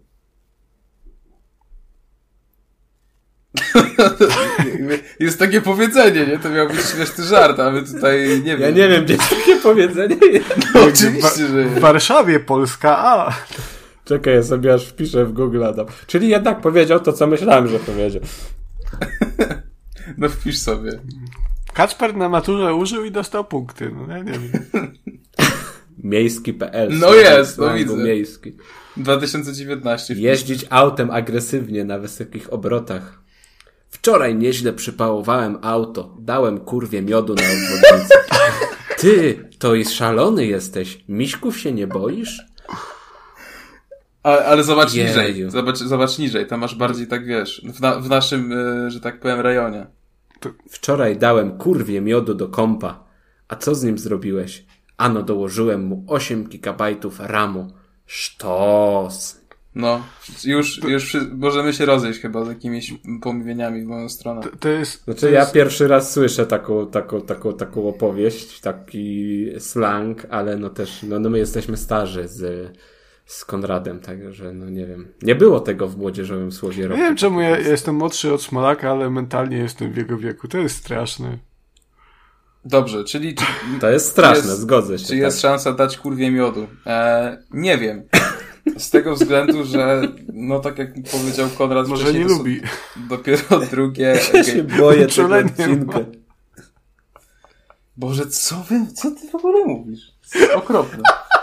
Ty, Konrad, będziesz musiał zapanować nad tym, co się tutaj dzieje w montażu, bo po prostu... Nad tym, co Konrad mówi po prostu, bo to on A to troszkę, troszkę tak, troszkę tak. Kurwie dawać miodu, no co ty nie No ale już wyjaśniliśmy to powiedzenie przecież. Jakby już wszystkie jakieś wasze, to wy macie brudne umysły, że w ogóle cokolwiek innego wam Koleżko, za bardzo się wozisz. Coś pierdol? No i przypomniałeś mi o tej Pradze. Dobrze. E, tak jak mówił Konrad, są to dopiero drugie konsolowe Google VR, więc e, kurczę, nie wiem. Wiesz, w przypadku konsol zwykłych już mieliśmy gdzieś tam obeznanie e, na temat tego upgrade'u na przestrzeni jakiegoś czasu. Tutaj Horizon wygląda cudownie, ale czy te Google mogą zaoferować więcej? Nie jestem w stanie powiedzieć. Mam nadzieję, że tak. Z drugiej zaś strony, jeśli nie, to uważam, że na najbliższe kilka lat nadal to spokojnie wystarczy. Ale kurczę, nie no, myślę, że, że gdzieś tam potrafi, mają coś jeszcze w zanadrzu, no będą jeszcze czymś zaskoczą. Dadzą kurwie miodu. Czyli mo można Czyli- powiedzieć, że to nie jest a ja dużo chciałem miodu, zapytać, że miód to chowamy miód do dobrej szafy. jakości. Tak, taki z Taki, z co się krystalizuje, nie na półce. Taki, nie takie gówno sklepowe, sztuczne. Nie, tylko krystalizuje taki, to mm. się taki, jak włożysz metalową łyżkę, bo to trzeba drewno, drewnem brać miód. Co? No tak jest, jak masz miód, to jak używasz metalowego noża do smarowania grzanek, tostów czy do słodzenia herbaty, no to jesteś głupek, bo wtedy on się tak, wiesz, robi się taki cukier, taka breja twarda, nie o to chodzi. Jeśli używasz Ale, ale to narzędzi, wiesz, że to się dzieje naturalnie po prostu. Absolutnie nie, słuchaj. Widziałeś kiedyś krystalizowany miód na półkach? Ale to czekaj, jak sobie kupuję czy- słoik z miodu krystalinowego w sklepie, to znaczy, że ktoś mi nożem grzebał już w tym Nie, no to Baba znaczy, z Biestego abs- przyszła ci. Tak, no to nie, no to po prostu absolutnie. To znaczy, że może po prostu jakimś metalowym, wiesz, skalpelem zbierali ten miód z tych płatów pszczelich. Bez sensu, nie kupuj takiego miodu, Kuba. Co ty pierdolisz Kacper, teraz? dziękuję. Dobra. Horizon Call of the Mountain. E, to jest no pokazówka możliwości PlayStation VR 2 na ten moment. Gra startowa i gra zresztą bardzo dobry start, że tak powiem, zaliczyły te gogle. E, tutaj jednak na początku zaznaczę. E, spotkałem się w internecie z kilkoma głosami, że ludzie myśleli, że to jest któraś z części, zakładam, że pierwsza, która jest przerobiona na VR. Absolutnie nie. E, Tutaj nie poznajemy tej samej historii, nie, w ogóle nie wcielamy się w Aloy. Co prawda Aloy spotkamy w swojej... Brodę? e, przy... Nie przypatrywałem jej się, e, muszę przyznać, No, przepraszam. E, spotkamy Aloy na swojej drodze, natomiast wcielamy się w Rayasa. E, Rayas to jest e, e, taki reprezentant Kardża Cienia. O co chodzi? Już mówię. W uniwersum Horizona mm, rządził król Jiran, tudzież Jiran, e, i to był taki no strasznie twardy, wredny, niemiły król, który miał bardzo takie brutalne, krwawe metody, e, no i e, szedł po trupach do celu, dosłownie. Mm, No ale potem po jego śmierci koronę, czy koronę po nim przejął jego syn, który ma na imię Awad. Awad już był całkowicie inny, Awad jest pacyfistą, no i już nie chce rozlewu krwi, natomiast y, są ślepi wyznawcy tego właśnie ojca tego Jirana e, i oni właśnie nazywani są Kardża Cienia. Oni zostali wyrzuceni w ogóle z tej osady, są wyrzutkami, więc oni są takimi trochę dzikusami, no i Rajas do tej grupy należał. Natomiast e, chce to zmienić, chce odzyskać honor, e, no i w tym celu musi przejść e, kilka ważnych e, e, prób. Musi właśnie e, jakby wejść na tę tytułową górę i zbadać nowy rodzaj zagrożenia, który jest bardzo niebezpieczny, no i trzeba go zbadać, a że on chce odzyskać e, mm, honor, a wszyscy chcą się go pozbyć, to mówią, no to idź sobie, bo i tak umrzesz pewnie. Czy umrze? Nie wiem, to już musicie dowiedzieć się sami. E, natomiast to umówmy się, to jest gra tego typu, że tło, znaczy fabuła jest tylko tłem e, i właściwie e, ona tutaj nie gra głównej roli, chociaż jest ok. Natomiast będąc już mając te wiarki na głowie, to szczerze przyznam, że tych e, dialogów niezbyt mi się chciało słuchać, bardziej miałem ochotę robić inne rzeczy, a właśnie tych rzeczy jest e, dosyć sporo, ponieważ Horizon Call of the Mountain to jest taka wielka piaskownica. E, tutaj mamy po prostu, możemy zrobić dosłownie wszystko. Jeśli po, pierwsze, wspinanie się jest w ogóle świetne. Mamy też, na początku mamy takie zwykłe po prostu chwytanie się tych, wiecie, świecących krawędzi. To potrafi być fajne. Ale potem nam dochodzą takie kaczany, czekany, nie wiem, te, te kilofy. Czekany. Które czekany. Które było blisko, było blisko, Gatsby. I know, dziękuję. Jakbyś słuchał e... mojej recenzji Deliver Us Mars, to byś wiedział, że czekam. Walec. Wbijamy te walce w ścianę, wyciągamy je za pleców, e, potem też dochodzą takie elementy, że musimy gdzieś tam przeskoczyć, złapać się w ostatniej chwili, albo gdzieś tam rzucić hakiem z tym, rzucić hakiem z liną i się gdzieś tam bujnąć.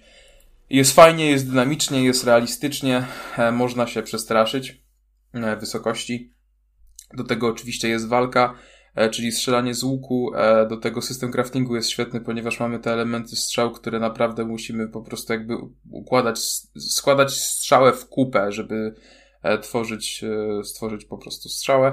Mm, natomiast jest to faktycznie bardzo fajne, te walki potrafią być dynamiczne, e, jest to fajny element gry, chociaż na początku się obawiałem, że te walki mogą być troszeczkę, e, mogą przeszkadzać, mogą być źle dopracowane i mogą robić większą szkodę niż pożytek. W każdym razie zrobiono to bardzo fajny sposób i e, no, jest to kolejny świetny wpis w serii Horizon. Natomiast cała zabawa to są takie jakby poboczne rzeczy. Mm, kiedy się już wespniemy do jakiegoś miejsca i zobaczymy na przykład talerz, to możemy wziąć i nim pierdolnąć o podłogę. Ale żeby on się roztrzaskał. Bardzo satysfakcjonujące. W domu nigdy tego nie robiłem, ponieważ jest to kosztowna zabawa i trzeba Ale w gościach? W gościach e, to się Kuba dowie za tydzień. Eee, natomiast w grze było to bardzo satysfakcjonujące i bardzo e, przyjemne, fajne. E, możemy też sobie zjeść jabłko, możemy włożyć łapę do ogniska, żeby nas poparzyło. Możemy podpalić pochodnie, a potem podpalić jakieś patyczki i inne jakieś liście. E, możemy wziąć, nie wiem, wikinowy koszyk, wyciągnąć z niego wszystkie wartościowe rzeczy, a potem ten koszyk wyrzucić w przepaść, bo to też jest fajne. Fizyka jest fajna, można też oglądać, jak te rzeczy spadają i się odbijają od innych elementów. E, jest to naprawdę bardzo e, ciekawe. E, można też potem są takie elementy, jak są na przykład różne instrumenty, więc możemy wziąć czymś tam machać, tymi takimi, wiecie, mm, że robi tak jak, jak się tym macha. mamy też... Marakasem. Marakasem, mamy też tamburynkę, możemy sobie popykać drugą łapą. E, tutaj też bardzo fajnie rozwiązano te mm, śledzenie palców, które też mają kontrolery od, e, od VR-a. Właśnie zapomniałem wspomnieć, e, tak samo kontrolery, jak i same gogle mają wibracje, co jest bardzo fajne, bo często nam web wibruje i to jest śmieszne uczucie, ale pozytywnie śmieszne. Natomiast możemy też te przedmioty bardzo fajnie współgrają z tymi naszymi rękoma. Możemy je sobie przerzucać z jednej ręki do drugiej, wszystko jest fajnie zrobione. Mamy też, no mówię, mamy też, nie wiem, jakiś tam ala flecik, wiesz, jak sobie go przyłożymy do, do twarzy, to zacznie tam on, Rajas zacznie w niego dmuchać. E, do tego mamy takie elementy, jak w jakichś jaskiniach, że znajdziemy farbki, możemy namalować cokolwiek e, na, na ścianie w różnych kolorach. Jest mnóstwo takich małych interakcji, które są e, bardzo przyjemne mm, i bardzo, bardzo je polecam. Jednak co do śledzenia palców nie można pokazać faka. Można robić wszystkie e, kombinacje, nie można pokazać faka. Szkoda. Ty to byś same Ech. złe rzeczy robił, Kasper. Proszę? Ty byś same złe rzeczy tylko robił. Słuchaj, no cóż mogę powiedzieć. Taki się urodziły jesteś taki grzeczny chłopak w takim codziennym życiu i po prostu chcesz odreagować sobie w tak. trakcie, w trakcie No o to chodzi w grach, no. nie? Wiesz, tak się buduje cicha agresja, przyjdzie co do czego i będę ludziom faki na ulicy pokazywał. A później właśnie przyjedzie TVP wywiad przeprowadzić i będą sąsiedzi mówili, taki dobry chłopak był, taki spokojny, pierwszy dzień dobry na klatce. A mówię, mówiły. mówię, zawsze mówię.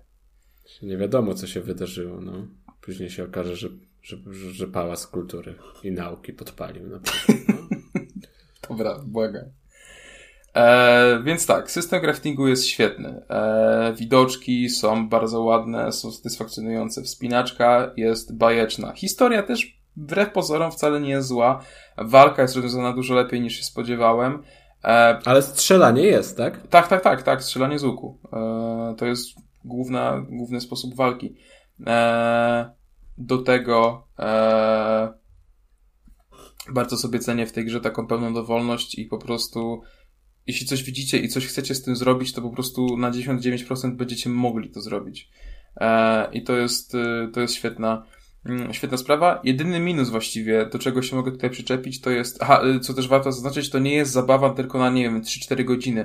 W tego Horizona naprawdę troszeczkę sobie pogracie i to nie jest gra na jedną sesję czy na dwie, tylko na zdecydowanie więcej. To jest gra, w którą troszeczkę Trzy. będziecie sobie szpilać, e, co jest spoko. Jedyny minusik jest taki, że e, momentami była zbyt duża winieta nałożona. To, myślę, że to można gdzieś w ustawieniach sobie się w tym pogrzebać. Natomiast na takich defaultowych ustawieniach e, często mnie złościło to, że e, to ma niby pomóc. Skupić ci się na tym celu, który musisz osiągnąć, zabić, whatever. Natomiast w praktyce często mnie wkurzało to, że 60% ekranu to jest czarny kolor, nie? A jak tam wygląda chodzenie, poruszanie się? To jest takie płynne łażenie, czy skokowo? E, chodzenie jest płynne, co jest super. Jedynie co to obracanie kamerą prawą gałką jest tak skokowe. To nie jest takie płynne jak w Mhm. grach, wiesz, takich normalnych, tylko gdzieś tam to przeskakuje co jakiś czas. Natomiast chodzenie jest płynne, co jest plusem, bo na przykład sprawdzałem też te Star Warsy, co wychodziły też w tym samym czasie co Google. No i tam to wyglądało dużo gorzej, bo tam była taka A. ala, ala teleport, teleportacja i to już działało o, okrutnie. Okej, a możesz e, włączyć e, poruszanie się skokowe? Eee, nie. Wydaje mi się, że nie. Możesz No włączyć poru- poruszanie się ruchowe, jeśli chcesz. W sensie, że możesz machać nogami, tudzież po prostu łazić po wyznaczonym Mhm. systemowo o- obszarze gry, ale ja dla bezpieczeństwa swojego telewizora i całego pokoju y, zdecydowałem się na chodzenie gałkami, gdzie i tak Nie musiałem wiem, chwilę nie wiem. sprawdzać, gdzie jestem, bo Nie wiem, jak się sprawdza to, to poruszanie się ruchowe, natomiast wydaje mi się, że jednak ta opcja przełączenia między płynnym sterowaniem a sterowaniem skokowym powinna być w każdej grze, bo to jest po prostu jedna, jedna z takich opcji dostępności, nie? E, Które przecież Sony tak bardzo promuje w, w tych swoich kolejnych grach, co jest chwalebne, to tu mówię bez cienia ironii. A, no bo wiele osób, mimo że ciebie to nie dotyka, mnie też nie dotyka e, mowa tutaj o tej e, chorobie, powiedzmy VR-owej, nie? Czyli w zasadzie pewnym odpowiedniku choroby lokomocyjnej. No to wiele osób przez to, że porusza, postać porusza się płynnie, w którą, ta, w którą oni się wcielają, no to to wywołuje u nich mdłości. okej. Mm, także, także to poruszanie się, się skokowe jest właśnie jedną z tych metod walcz, walki z tym, żeby większa ilość y, osób mogła, mogła w to grać. Także jeżeli tego nie ma, to kurde, trochę słabo moim zdaniem. Okej, wie- znaczy tutaj to szczerze, no nie dam sobie ręki uciąć, e, bo ja w tym nie grzebałem, bo mi to po prostu odpowiadało. Wydaje mi się, że nie, ale to nie jest nic na 100%. E, natomiast dla mnie akurat e, to, to, co mówisz, że każda gra powinna mieć przełączanie, to owszem, ale też w drugą stronę, że jeśli domyślnie jest tylko skokowe, to powinno być też płynne. Bo na przykład mnie w tych Star Warsach to skokowe po prostu rozwaliło całkowicie. Nie? Ja nie potrafię grać w ten sposób, mnie to denerwuje. E, no po prostu, no nie wiem, nie, nie, nie No, potrafię enjoyować gry, jak coś takiego się dzieje, bo dla mnie to jest właśnie ta era Enjoyować PS2. gry. E, jeszcze, e, kurczę, co to jeszcze? Aha, w Jurassic Park, Jurassic World jeszcze grałem, tylko że to w ogóle było takie dziwne, bo to ma, cała gra ma taką komiksową oprawę w ogóle i to, to nie wygląda zbyt dobrze. E, Tam też to jest trochę właśnie bola, bolesny przeskok z tego Horizona, wtedy też doceniłem bardzo tego Horizona, bo e, w tym Jurassic Worldzie, Jurassic Parku mamy, w tym Jurassicu nazwijmy to, e, też jest dużo takich elementów, które po Horizonie po prostu chciałem podejść, chwycić, złapać, rzucić tym. Nie było takiej możliwości w ogóle. Po prostu były elementy, które były na stałe. E, Nie można było w ogóle wejść z nimi w interakcję. W Horizonie czegoś takiego po prostu nie ma. Coś leży na stole, możemy to podnieść. I to jest super i tak powinno też być w każdej grze. Nawijarki. Dobrze, to tyle jeśli chodzi o Horizona, chyba że macie jeszcze jakieś pytania. E, Ja o tym miodzie tylko bym chciał jeszcze szybko. Mhm. Dobrze, słucham. E, bo tak, e, każdy naturalny miód może występować w dwóch postaciach: płynnej lub skrystalizowanej. Bywają oczywiście również stany pośrednie. Tę pierwszą nazywa się fachowo patoką. Obserwujemy zazwyczaj przez pewien czas po jego zebraniu. W zależności od wielu czynników, stopnia zagęszczenia miodu, jego gatunku, warunków i temperatury, w jakiej jest przechowywany, od kilku tygodni do roku. Później miód najpierw stopniowo zaczyna mętnieć, a następnie krystalizować się, a więc przybierać postać zwaną krupcem. Inna nazwa to dziarnina. Jakie są przyczyny krystalizacji? Wynika ona z właściwości chemicznych miodu, a dokładnie z tego, że jest on roztworem przesyconym, a więc Chemicznych, takim, właściwości chemicznych, czyli to do, odnosi się Którym do, zawartość do chemicznego ciała- miodu, takiego ze sklepu. Nie! A dokładnie z tego, że jest on roztworem przesyconym, a więc takim, w którym zawartość ciała rozpuszczonego znacznie przewyższa ilość rozpuszczalnika. Wartościowy miód w 80% składa się z różnych cukrów, a jedynie w 20% z wody. Choć niekiedy jest to nawet mniej. W tego typu roztworze zawsze prędzej czy później musi, musi dojść do wytrącenia ciała stałego i jego osiadania w postaci kryształków, a więc właśnie do krystalizacji, a więc Hacper tę swoją drewnianą łyżkę to sobie możesz w dupę wsadzić albo w skarpetę, bo nie miałeś racji tutaj. E, dziękuję, prawda, stronie wcinajmiód.pl mm, wcinaj miód pisane z e, myślnikiem pomiędzy dwoma słowami. Polecam stronę, jeżeli ktoś jest fanem miodu, chce się o miodzie dowiedzieć, a ja nie polecam, ponieważ jako cukrzyk e, uważam, że promowanie tak słodkich rzeczy jest po prostu dyskryminacją i e, czuję się oburzony. No to sam może zjeść, nie tylko raz. Jak z.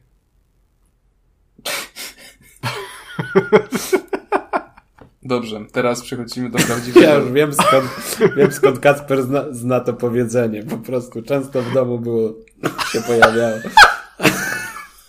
Oj, brzydko powiedziałeś, brzydko. Przepraszam, to trzeba będzie wyciąć, ale od razu mi się skojarzyło. Jak, Kac... Jak Kacper był niegrzeczny.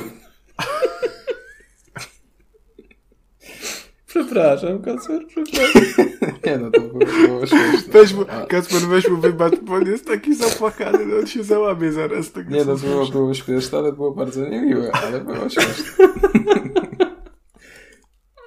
Dobrze, e, teraz przejdziemy do prawdziwego dawania kurwie miodu, ponieważ e, porozmawiamy o Gran Turismo 7.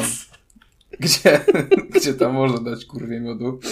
E, ja na przykład dałem, jedząc Porsche, bo sobie odpaliłem jako jeden z takich testowych trybów e, właśnie wyścig, e, taki turniej powiedzmy e, Porschowe, Porschowy e, na zawsze mam kłopot z tą nazwą Nürburgring. Nürburgring.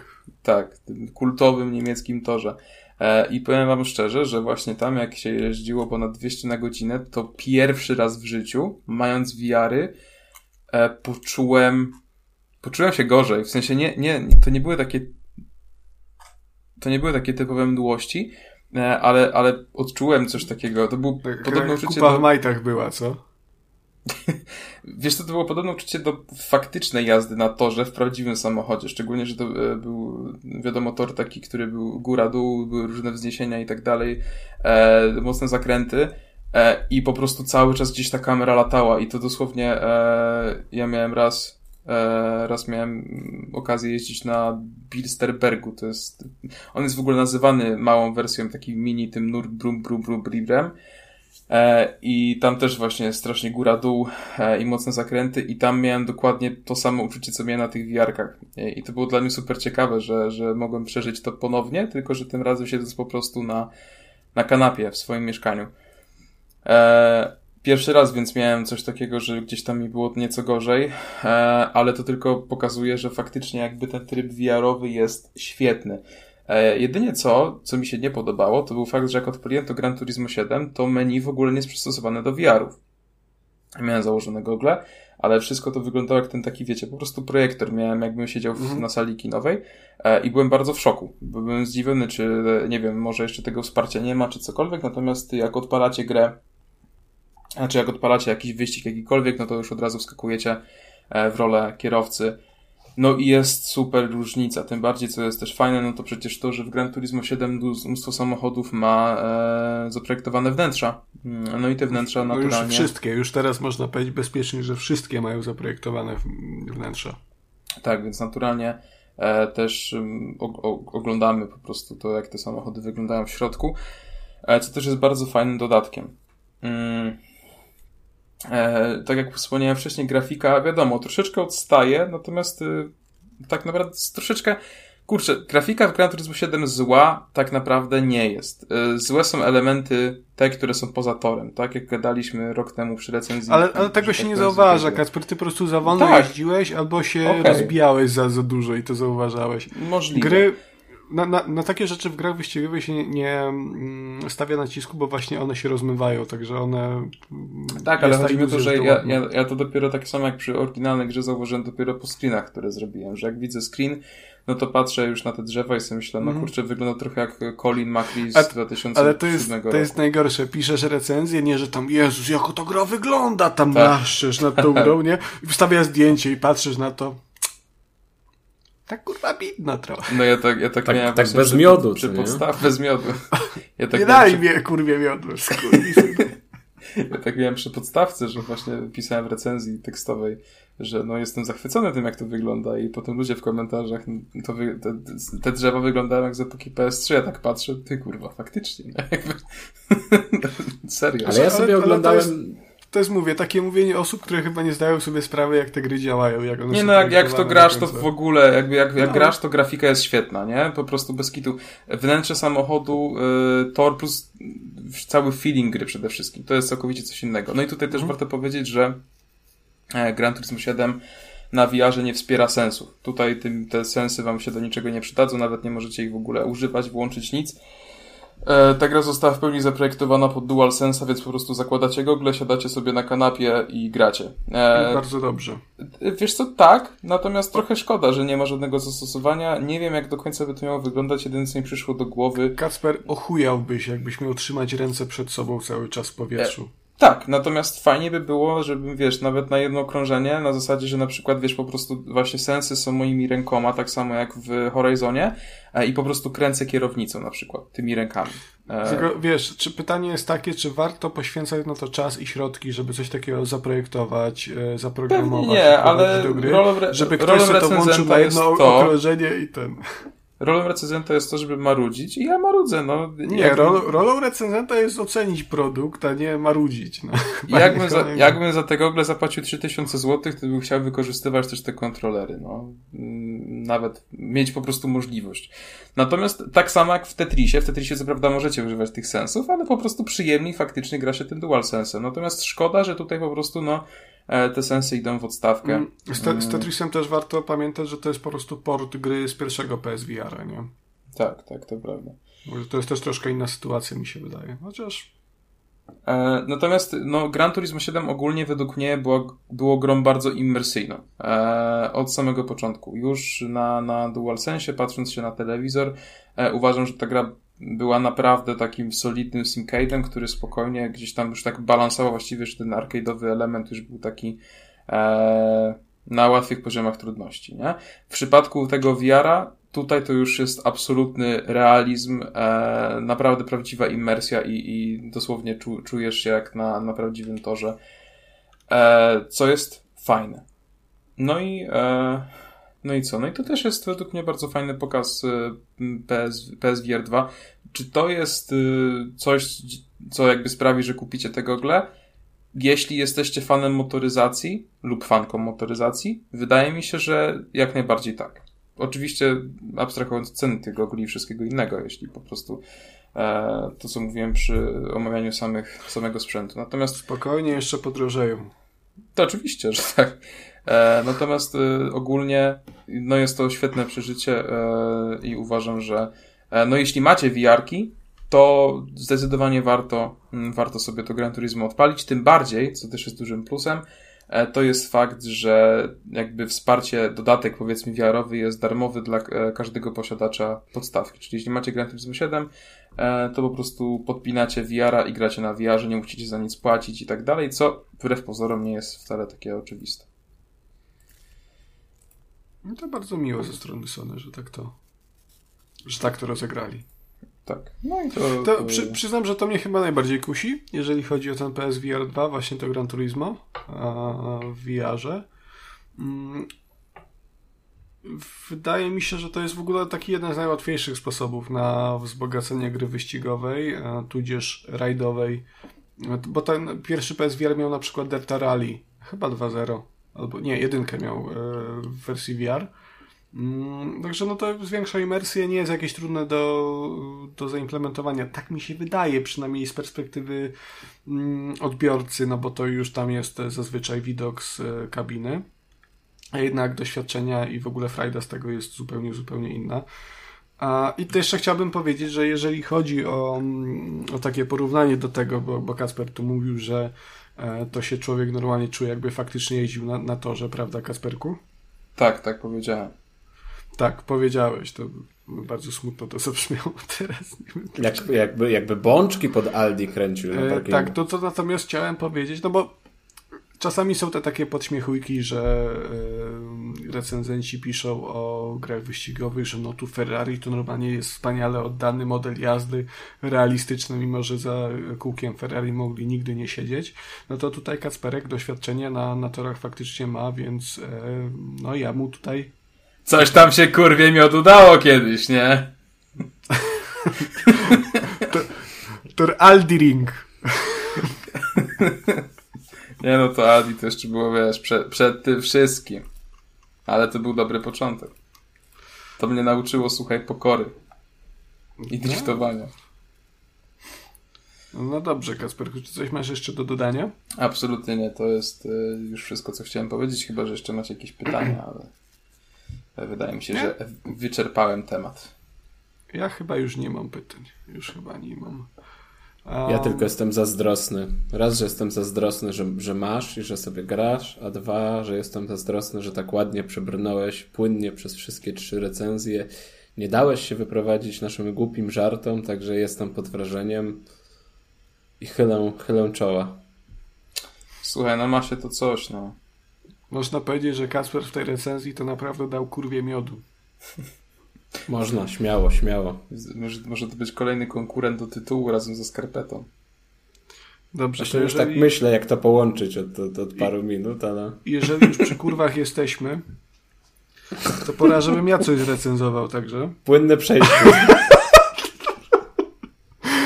ja mam, dam wybór teraz, bo ja mam dwie gry na ten odcinek dwa, dwa potężne indyki, jeden potężniejszy e, niż drugi, który nie wiadomo. E, także możecie sobie wybrać o czym Ale powiesz nam, co to za czy, Pierwszą czy tak grą e, jest e, Grid Force Mask of the Goddess. E, drugą grą jest natomiast e, Lumencraft. Słuchaj, jak, jak sobie tylko zechcesz. Ja się dostosuję do ciebie. Kubuś, o, o, czym ty byś chciał posłuchać w takim razie? Ja przepraszam bardzo, ale mnie chyba na chwilkę rozłączyło i po tym jak powiedziałeś, że masz dwa indyki, y, urwało mi kompletnie, nie słyszałem. Grid Force, Grid Force, Mask of the Goddess albo Lumencraft.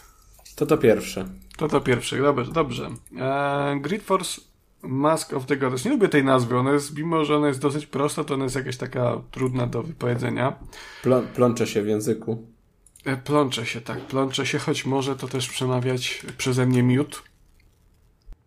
E, I czym jest Grid Force Mask of the Goddess? Zakładam, że e, nigdy o tej grze mogliście nie słyszeć, bo to jest e, gra raczej, która przeszła mm, bokiem. E, chociaż tutaj moi dwaj prowadzący mogli o niej słyszeć, ponieważ podrzucałem im swego czasu informację, że dostaliśmy kluczyk na taką grę. E, kluczyk dostaliśmy od e, Gravity Games Arise. Mm, prawda, za co serdecznie dziękujemy. E, I zajawiałem, że to jest taki fajny, mm, fajna taktyczna gra akcji, taki trochę bullet hell, który mm, ma tę taktyczną warstwę mimo wszystko. No natomiast no, moje tutaj peany, które, które słałem w ich, w ich stronę, zostały zignorowane niestety. E, z korzyścią dla mnie, ponieważ no pół roku po premierze, bo ta gra wyszła jakoś we wrześniu i ja dopiero teraz zdecydowanie, zdecydowałem się po nią sięgnąć. Mm, sięgnąłem po nią. E, szok i niedowierzanie, prawda? E, I okazało się, że to jest naprawdę uzależniająca produkcja. E, ona ma na siebie bardzo fajny pomysł. To jest, jak już powiedziałem, bullet hell, z tym twistem, że nie tak jak w większości tego typu e, gier, jak na przykład Ikarudze, czy poniekąd, dajmy na to, The Binding of Isaac, chociaż to tutaj ciężko to nazwa się bullet hellem, chociaż ma takie momenty e, z tego, co widziałem, że tych pocisków na ekranie jest bardzo sporo, no to w przeciwieństwie do tych gier Grid Force nie pozwala na dowolne poruszanie się w przestrzeni.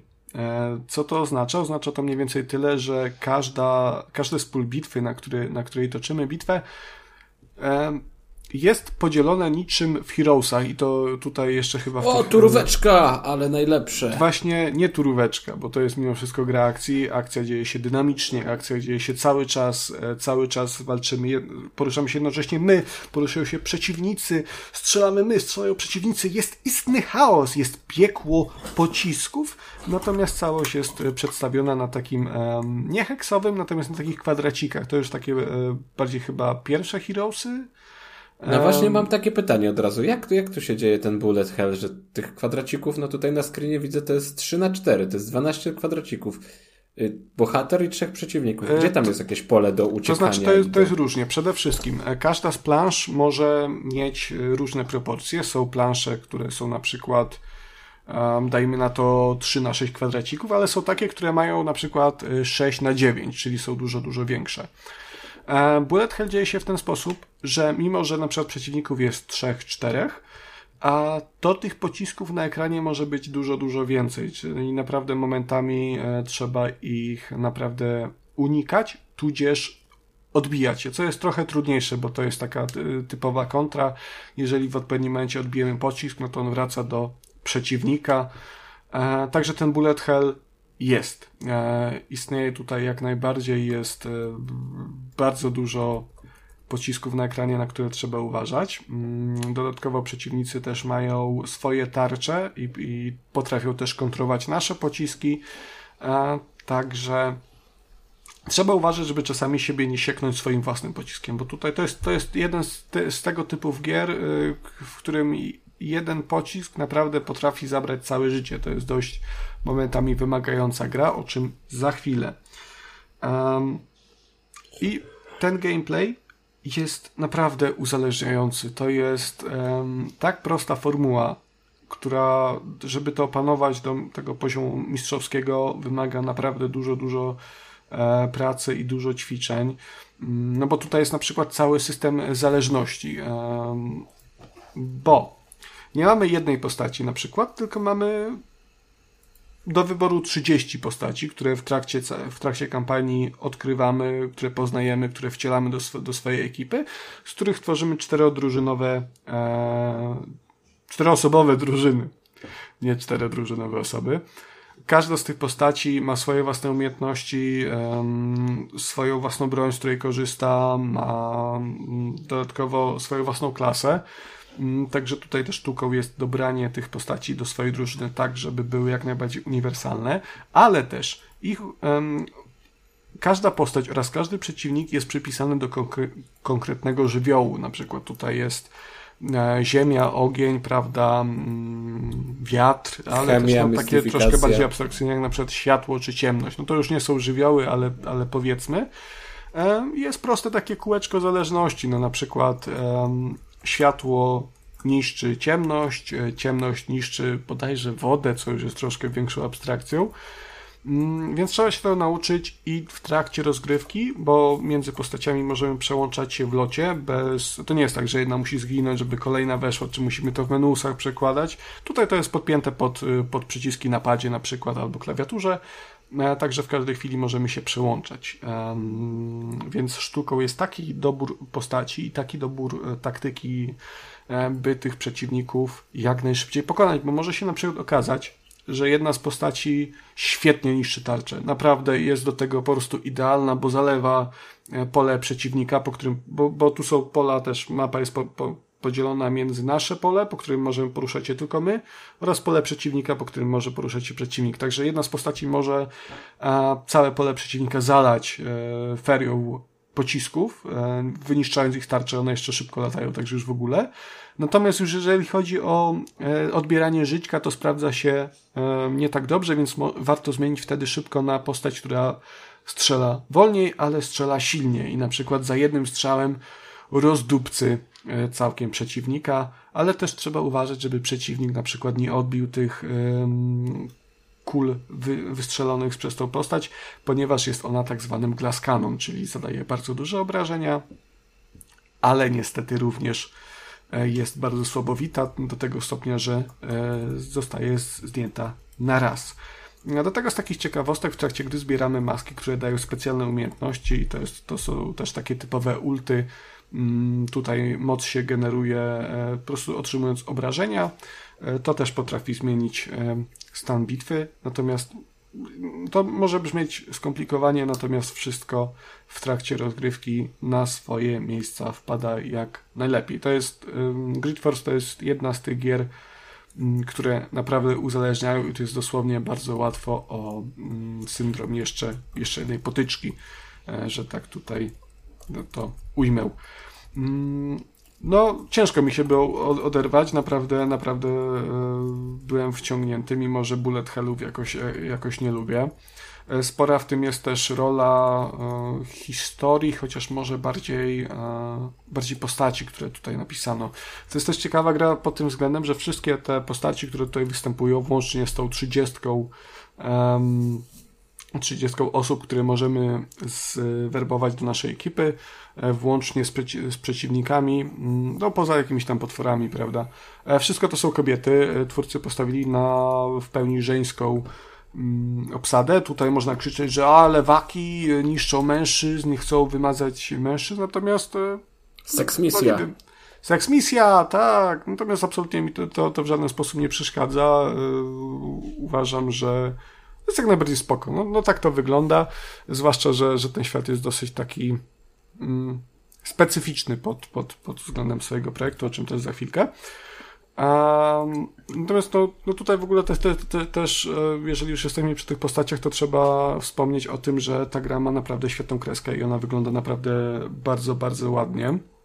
Właśnie chciałem powiedzieć, mhm. że tak jak patrzę sobie na, na screeny, to trochę wygląda mm, dla mnie to jak gra, która mogłaby być zrobiona przez Super Giant Games. E, to jest troszkę, taka... troszkę tak. To jest, twórcy w ogóle z tego, co, co, co czytałem o tej grze, oni się wzorowali um, mangą i na przykład przerwniki filmowe wszystkie są w postaci komiksów, e, takich troszkę mangowych. E, to nie jest taka manga typowo japońska, to jest bardziej europejski take na mangę. E, natomiast tę taką kreskówkowość widać. Te projekty postaci są naprawdę momentami e, przeurocze. E, tutaj moją absolutną faworytką była Pan, czyli to jest mm, dziewczyna, która jest na wózku i ona jest taką nie, no prze, przesłodka jest i on, tak jak ona jest rysowana, to wygląda naprawdę super, ale praktycznie każda, każda postać, która tu występuje świetnie rysowana, to wszystko jest kolorowe, no ładne to jest, no, no, no nie powiem. W ruchu wydaje mi się wygląda troszkę lepiej mm, niż na zdjęciach, ale nawet na zdjęciach to mi się bardzo podoba. E, tylko psikus polega na tym, że, że ta gra ma trochę problemów, do których właśnie niestety musimy przejść. Po pierwsze, jeżeli już jesteśmy w takich rejonach powiedzmy bliskich e, fabule gry, to mm, nie wiem jak to ugryźć trochę, ponieważ to jest gra, która ma. Kiedy, kiedy w nią grasz i śledzisz tę historię, to czujesz, że ta gra ma gdzieś tam głęboko uśpiony potencjał na naprawdę interesujący świat, że tam się coś, coś większego dzieje, ale kiedy, kiedy śledzisz tę historię, to absolutnie kurwa nie wiesz o czym to ona jest. To jest takie. Są emocje niby, są, jest wysoka stawka, wielkie bitwy, ale tak to śledzisz, ale, ale kto jest kurwa synem kogo w końcu? Co, co się dzieje? I to nie jest tak, że to jest skomplikowane jakieś bardzo. To nie jest, y, nie wiem, Netflixowe Dark, że tam musisz naprawdę śledzić, kto jest kurwa synem kogo, bo nie, nie wyłapiesz. To jest po prostu źle napisane, to jest źle stworzony świat. Y, niestety, bo jakby fabuła tak próbuję to rozkminić na, na, na szybko, bo próbowałem wcześniej i też mi się niezbyt udało. To jest historia o świecie, w którym są machiny i persony. Persona bardzo fajna seria, ale to niestety nie o to chodzi. Machiny to są w ogóle chyba tacy bogowie, którzy rządzą poszczególnymi odłamami tego świata. E, natomiast persony to są, to są ci wszyscy ludzie, którzy zamieszkują ten świat i, i którzy walczą z tymi machinami i potworami. Te machiny nie lubią ludzi, a persony nie lubią. Jest takie w ogóle co? Kto? Dlaczego? Po co? I tytułowy Grid Force na przykład. Y, wydaje mi się, że Grid Force to jest po prostu nazwa tego świata, czy, czy tak jest ten świat stworzony, ale to jest wszystko, bo na przykład bohaterowie po prostu używają e, hasła Grid Force, na przykład trzeba, musimy wró wrócić do, do Grid Force'u, nie? Ale co to jest ten Grid Force? Nie wiem. to nie jest wytłumaczone. E, I wydaje mi się, że może w głowach scenarzystów ten świat był spójny i, i był, był logiczny, natomiast sposób, w jaki to jest przedstawione, niestety nie sprawia takiego wrażenia i jest bardzo trudno połapać się, e, co jest czym. Tutaj całość ratuje naprawdę ta rozgrywka, która jest uzależniająca, bo gdyby nie to, to byłbym po prostu zajebiście znudzony i sfrustrowany tym, że nie wiem, co się dzieje i w ogóle po co walczę. Mimo, że wiem, po co walczę, no jakby taka z grubsza fabuła po, polega na tym, że wcielamy się w Donnę, to jest ta e, czarnoskóra pani o różowych włosach, takiej bujnej czuprynie, m, mm, która jest e, z jakiegoś wybranką, powiedzmy, Klei, czyli tej, powiedzmy, dobrej bogini tych, tych machin, E, i ona dostaje zlecenie udania się w podróż i pokonania złych machin, żeby uratować świat. To wszystko się dzieje w jakichś cyklach i chcemy te cykle przerwać. No dużo się dzieje, natomiast dzieje się bardzo skomplikowanie, nie?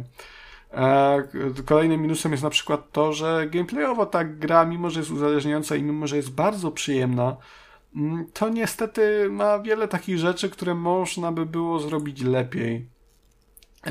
No przede wszystkim brak balansu.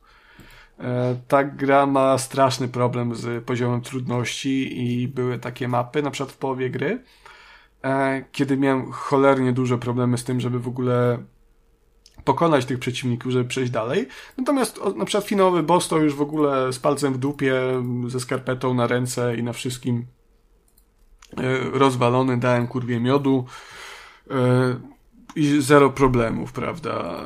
Tu mamy jakiś niby mm, mamy system rozwoju postaci. W trakcie, po, po walkach zdobywamy punkty odpowiadające konkretnym żywiołom i to możemy na, w, pomiędzy kolejnymi potyczkami rozdysponowywać pomiędzy postaciami. Te postacie, te punkty, no przepraszam, statystyki postaci też są rozdysponowane, rozdy, kurwa, skater, skategory, skategoryzowane. Skategoryzowane, dziękuję bardzo. E, względem konkretnych żywiołów, e, też wymagają odpowiedniej liczby punktów. Natomiast to jest robione w taki sposób, że mm, no tutaj trzeba sporo grindu, żeby nawet te cztery postacie, które my sobie wybierzemy, że to będą nasze postacie od początku gry, to żeby je wylewelować na maksymalny poziom. Mi się udało to zrobić na chyba maksymalnie szósty.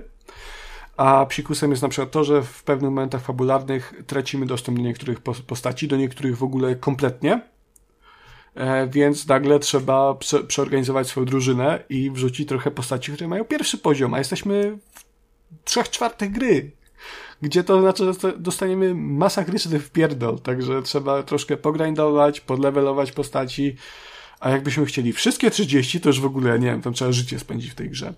E, nie pomaga nieczytelny interfejs, bo e, to, co się dzieje, jaka jest odczytanie nawet takich prostych rzeczy, kto jaką ma, kto jaki ma żywioł, czy nasze ataki są efektywne, co się dzieje, co oznacza to, no to jest bardzo słabo wytłumaczone. Eee, bardzo mało czytelne i to po prostu irytuje. Trochę jest też błędów, na przykład e, najbardziej wkurzało mnie, mnie to, że pomiędzy etapami, e, potyczkami trafiamy na taką dodatkową planszę jakby na której możemy albo przeskoczyć dalej, albo jeszcze sobie podlewelować właśnie te postaci. I tam był taki krótki, krótkie opóźnienie w momencie, kiedy postać się pojawia na ekranie, a kiedy mogliśmy ją, ją ruszyć. I to jest pierdoła, natomiast to wpływało, i to było tak nawet w cutscenkach, nawet w trakcie dialogów, które trzeba przeklikać, bo one nie są w większości udźwiękowione. E, zawsze było to jakieś takie delikatne opóźnienie, które sprawiało wrażenie, że coś jest nie tak, że ta gra nie działa tak, jak powinna. A dodatkowo zdarzało się, że na przykład moja postać w tym etapie pomiędzy potyczkami nie pojawiała się w ogóle, co oznaczało, że musiałem wyłączyć grę całkiem, włączyć ją jeszcze raz i wtedy fakt pojawiałem się mimo wszystko dalej w tym samym miejscu, natomiast już nie mogłem zebrać y, tych punktów doświadczenia, które mogłem normalnie, bo tam są takie bonusowe, a, a, a dodatkowo to, które zdobyłem w trakcie potyczek z przeciwników, też było wyzerowane, także no trochę chujnia, y, zwłaszcza w kontekście tego grindu, o którym wspomniałem. A mimo wszystko, ja nie wiem jak to jest możliwe, e, Dreamnote Studio i Playtra Games zdołało zrobić grę, która pod wieloma względami jest po prostu fatalna, jest niedopracowana, jest, jest nieprzemyślana, jest źle napisana, a mimo wszystko uzależnia jak cholera i przez 14 godzin rozgrywki, bo na tyle mniej więcej ta gra starczyła, no bawiłem się fenomenalnie. To jest przyjemna muzyka, ładna oprawa graficzna, mm, prosty, ale, ale mimo wszystko jakiś wymagający gameplay. No i bawiłem się dobrze. No ta gra też nie jest droga, ona kosztuje 73 zł bez grosza. A, tylko tutaj pytanie, czy ja to mogę polecić? No tak, ale z, ta, z takim z taką adnotacją, że to jest gra, która ma swoje problemy, także musicie wiedzieć, w co się pakujecie. E, prawdopodobnie te 73 zł możecie wydać na bardziej dopracowane gry. Mm, natomiast mimo wszystko Grid Force, e, Mask of the Goddess ma swój klimat, ma swój charakter i to jest w niej bardzo, bardzo fajne. Też się musiała fajnie ta gra nie sprzedać, bo tak jak patrzę na Steam, to tylko 14 pozytywnych recenzji. Ile ma? 14. No to mówię, no, no przeszła, przeszła obok. E, no tak, tak bardzo to musiało być bolesne dla twórców, bo zgaduję, że sporo pracy włożyli. Tam nawet tak, wiesz, oni się pochwalili jakimiś drobniejszymi nagrodami czy wyróżnieniami, e, co nie przy każdym indie tytule się zdarza. A jednak taki wynik, no, no słabo chyba było. Współczuję. No i mają, mają tego Ale będzie lepiej, będzie lepiej. To tam jest trochę ludzi na tym Discordzie u nich na przykład. Jak patrzę, tam jest no, ponad 200 osób. Mm, także też nie jest źle, no ale to wiesz, to jest taka, nie wiem czy marketing poległ, czy, czy co, ale to jest naprawdę niezła gierka. Ona ma demo na Steamie przede wszystkim. Ojej, także... wiesz co, patrzę teraz tak jeszcze na statystyki. No aktualnie w grze nie ma nikogo, wczoraj też nie było nikogo. A, taki A to ciekawe, ich... ja wczoraj grałem w to. A, widzisz, kłamie. Ich pik z sześciu ostatnich miesięcy to było 15. No to. A tak to na przykład przez trzy dni to nikt nawet nie zagrał. Jedna osoba, to tylko, to tylko Konrad, ty grałeś w tym miesiącu. Ej, a wiesz, że chyba tak? No dlatego mówię, no niestety, no, no, no nie jest to idealna gra, pewnie nie miała dobrego marketingu, ale mówię, sprawdźcie demo, bo jest dostępne na Steamie, także jeżeli nie jesteście pewni, mm, to można rzucić okiem. Mi się grało bardzo fajnie i osobiście jestem, jestem zadowolony. No. Jakby nie było, no jak dostałem tę grę za darmo też, także to trochę inna kwestia. Nie, nie wiem, jakby było, jakbym zapłacił do końca, ale, ale myślę, że, że też nie byłbym rozczarowany. To jest mimo wszystko e, spoczko gierka z wieloma problemami, ale, ale wciąż dająca masę, masę frajdy. Także rzućcie okiem, na, chociaż, chociaż na to demo, chociaż na zdjęcia i już sobie sami podejmiecie decyzję, mm, czy w ogóle warto się tym zainteresować. No, Dobrze, to bardzo ładnie mm, przeszła ta recenzja z bardzo ładną taką kropką na końcu, którą Kuba ci zepsuł, mówiąc o małej ilości graczy. Eee, teraz chyba przyszła znowu pora na mnie. Jeśli dobrze widzę. No wiesz, ale to też chciałbym tylko dodać, nie, że na przykład mała ilość graczy to nie jest jakiś, yy, jakiś duży problem, nie? To też nie, nie świadczy o jakości samej gry. Oczywiście, nasz to jest same no, też na przykład, tylko nasi rodzice, a jesteśmy super podcastem. Na, na przykład taka gra jak Like a Dragon Ishin, no to w momencie premiery tej oryginalnej to też miała bardzo mało graczy w Europie, ale to wynikało z dostępności, a teraz jako, że jest dostępna, to może tych graczy jest więcej. A tu chciałem śmieszny żart zrobić, a ty mi zrobiłeś. Dobra, e, dawaj śmieszny żart. Nie no, już zrobiłem, że na trójkasu tylko nasi rodzice słuchają, nie? Ale też bardzo dobry podcast. Eee... To się dowiedzą po tym odcinku o tym miodzie, co nie?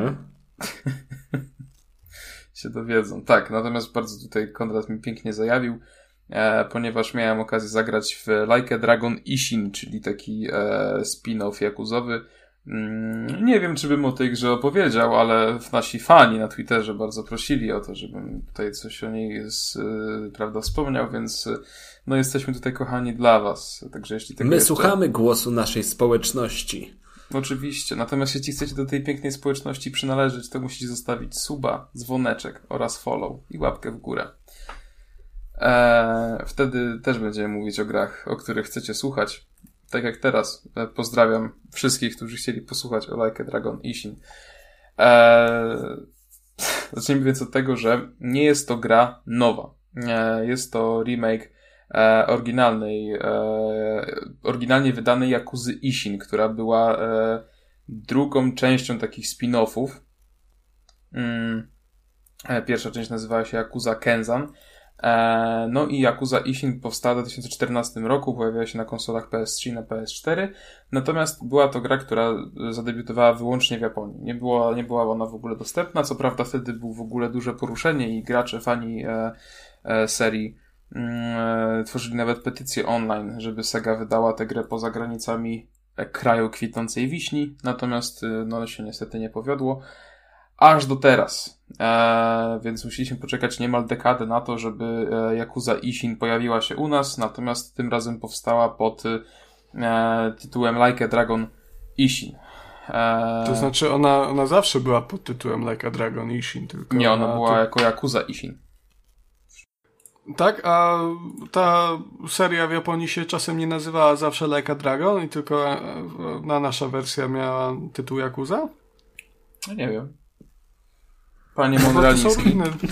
Ale powiedz Ryu, słucham. No. Ryu, Ryuga Gotoku, co to znaczy? Ryuga Wagateki Okurau, tak mówił e, Hanzo w Overwatch. Dobrze, już ci mówię. No i tak to jest i cię wybija z rytmu. Ryuga Gotoku means like a dragon when translated. Więc y, ja patam Kacper, chuja wiesz o grach, chuja wiesz o Japonii, Kasperku. Przykro mi bardzo. Ja nie wiem, czy wiesz, ale to od początku tego roku ja tu przejąłem rolę tak, eksperta tak, tak, japonistyki, wiem, wiem, także wiem. sorry, pozdro, poćwicz. Y, no nie masz racji, no tak. No dobrze, no, oryginalnie słuchaj, się ukazyła, ja nic nie wiem o Japonii, ty nic nie wiesz o miodzie i jest y, prawda jeden jeden, no. Konrad będzie czekał na ciebie pod żabką, coś mi się wydaje. to zawsze byłem ja, tylko mnie nie poznał. A tamten kolega nie miał tak z pięciu zębów na górze, więc w sumie, w sumie, się, w sumie się zgadza. A, u, góry, u góry nie mam trzech. Nie, no dobrze. E, nie, nie, nie śmiejemy się z ludzi bez zębów. Szczerbatych. Tak.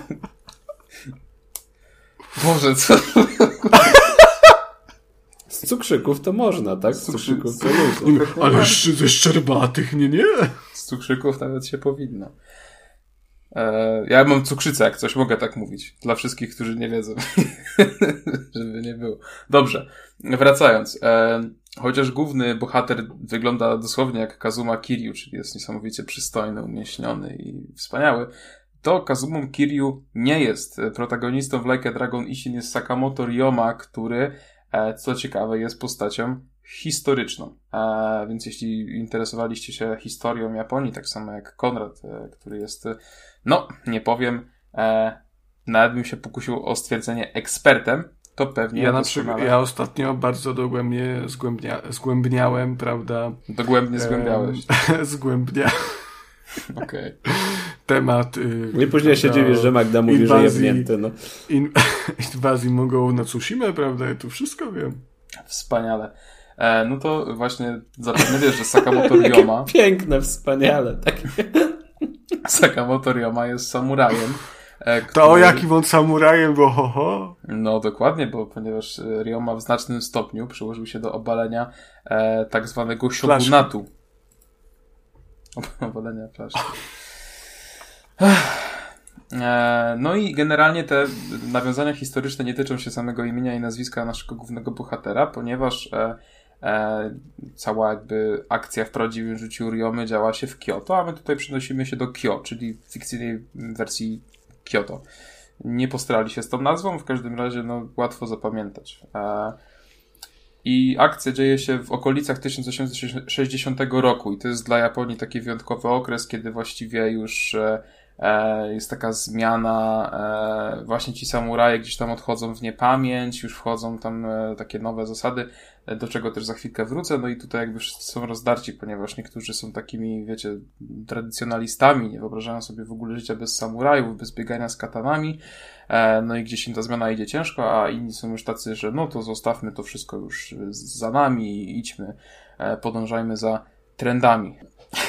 Naszym celem, e, który nam przyświeca w tej podróży do Kio jest to, że musimy odnaleźć e, osobę, która zabiła naszego mentora. No poszlak nie mamy za dużo, ponieważ jedynym co jest, e, to jest jego taki specyficzny i charakterystyczny styl walki. No i to właściwie wszystko. Wiemy, że podobnego stylu walki uczono w szkole właśnie w Kyo, e, stąd tam podróżujemy. W tym celu Ryoma dołącza do takiej specjalnej jakby jednostki, nazwijmy to policyjnej, która nazywa się Shinsegumi.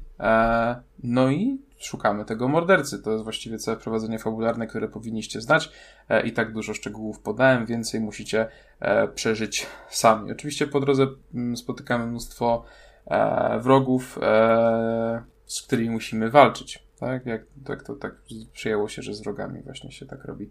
No i tutaj. A jest... powinno się szukać, prawda, jakiegoś takiego konsensusu tak, y, słuchacze, przemoc, Zgody. przemoc nie jest dobrym rozwiązaniem.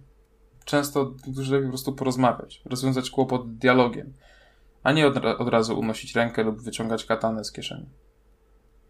E, ale w 1860 roku nie mieli takich wartości jak my teraz. Nie mieli trójkastu, którego mogli słuchać i stać się pacyfistami. E, z tego względu sprawy miały się nieco inaczej. No i z tego względu e, twórcy nam dali takie cztery różne style walki.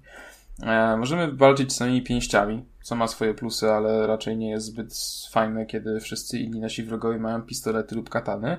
Możemy walczyć całą kataną, czyli być tym tradycjonalistą, o którym wcześniej wspomniałem. Możemy być już całkowicie w ogóle takim futurystą wręcz i po prostu do wszystkich strzelać. Laserami. Ale możemy też być po prostu takim, wiecie, połączeniem i możemy robić taniec, e, obracać się na pięcie z wyciągniętą kataną, wciąć wszystkich dookoła, jednocześnie strzelać cały czas.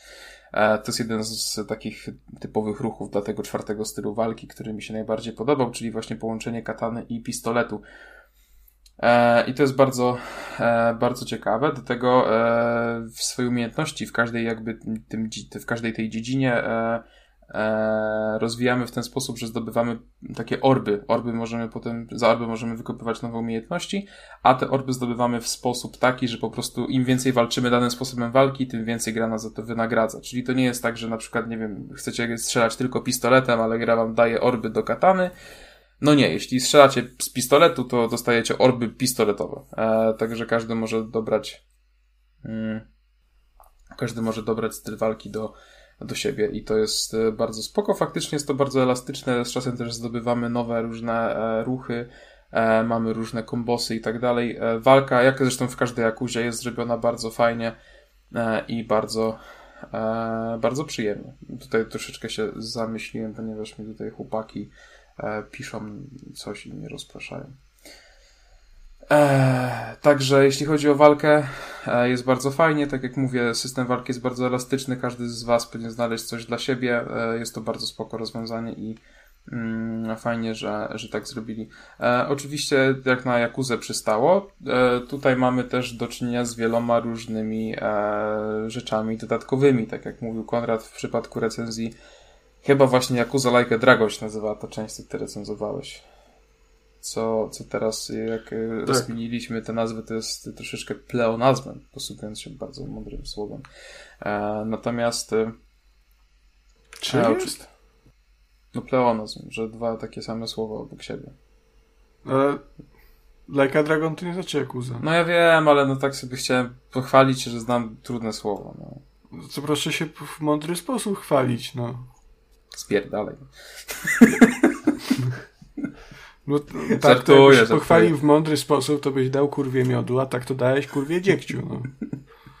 Mądre, fajnie powiedziałeś. tak, nawiązując do staropolskiego przysłowia. Ja co odcinek proszę, mniej przeklinać.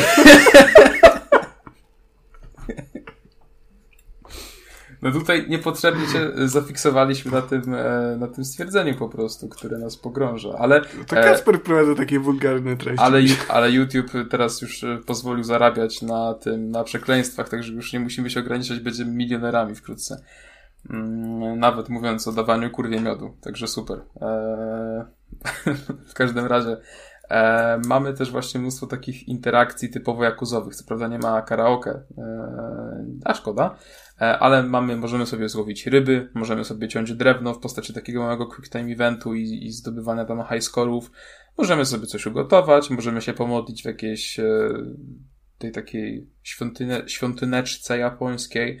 Możemy pójść e, do baru, usiąść, napić się kulturalnie sake. Możemy znaleźć zagubione dziecko i dać mu surową rybę, żeby sobie ją jakoś zjadł.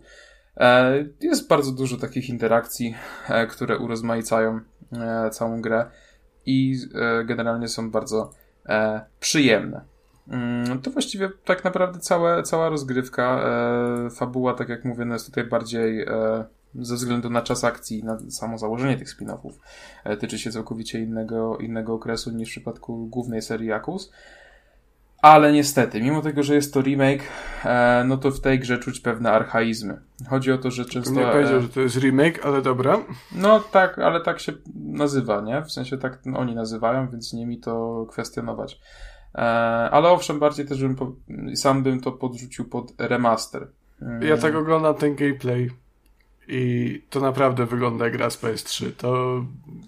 Znaczy nie, grafika, wygląda nie wiesz co, grafika, grafika jest nierówna, sama grafika, bo faktycznie... Jest brzydka ta gra. Jest nie, są, są, takie, są momenty w tej grze, że faktycznie można odpalić tryb foto, zrobić pięknego screena, e, natomiast ogólnie e, poziom grafiki jest bardzo nierówny.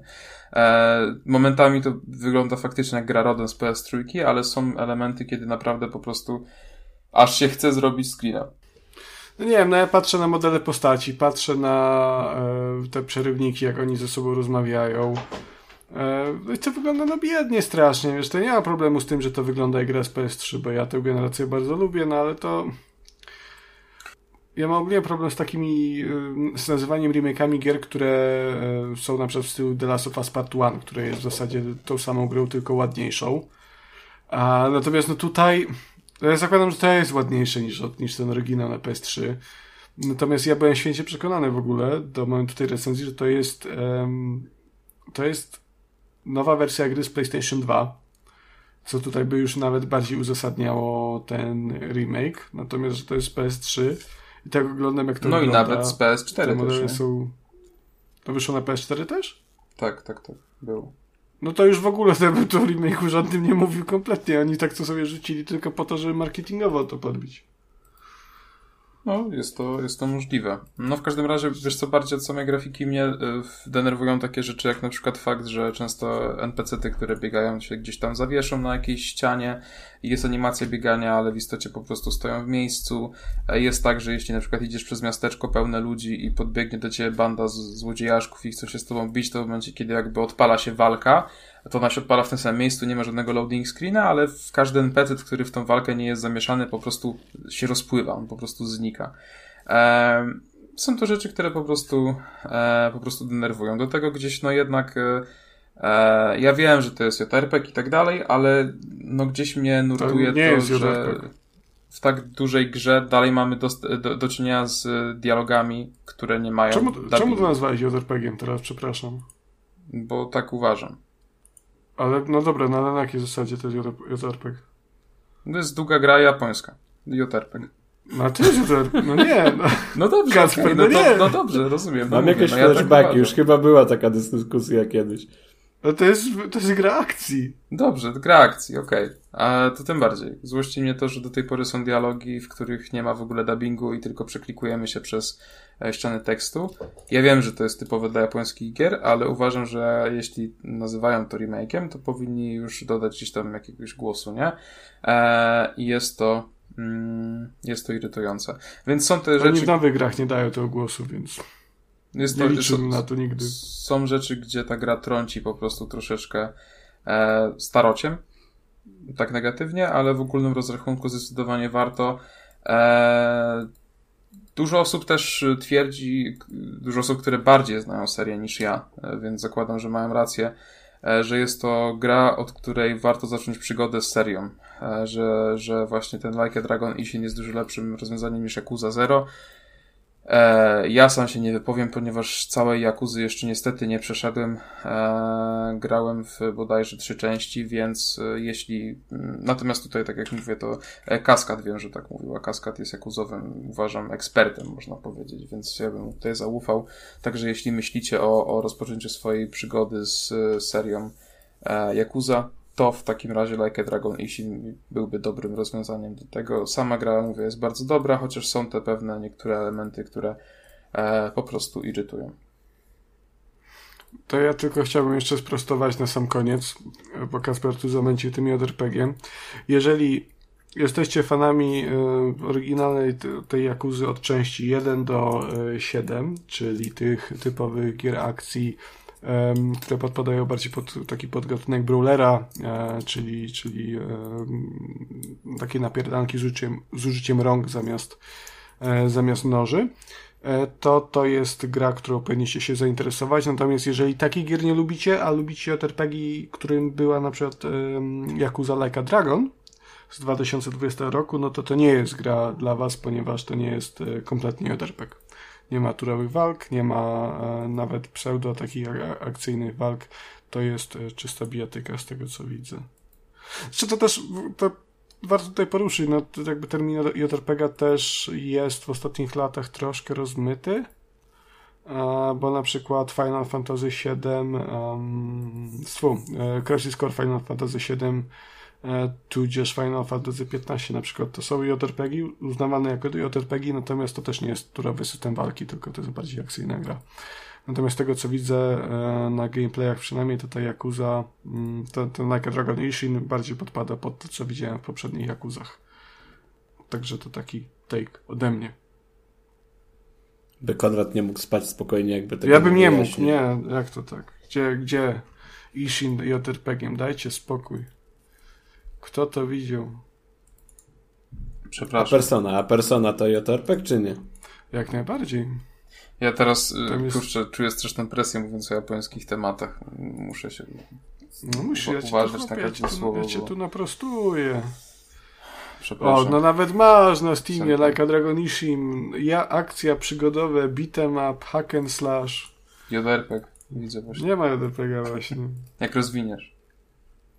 Gra akcji na, na, na gryonline.pl no to jest niepodważalny autorytet w sprawie gier.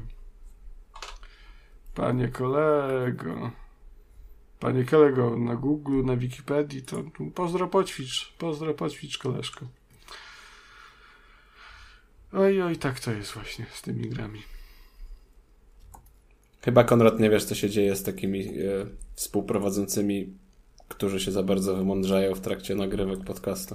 No, takich współprowadzących, y, prawda, się y, wysyła do kopalni, żeby sobie kopali lumen na przykład tak, to się robi w Lumencrafcie. I wtedy jest fajnie. Chociaż może nie tak fajnie, ponieważ Lumencraft to jest e, kolejna gra, o której ja dzisiaj opowiem.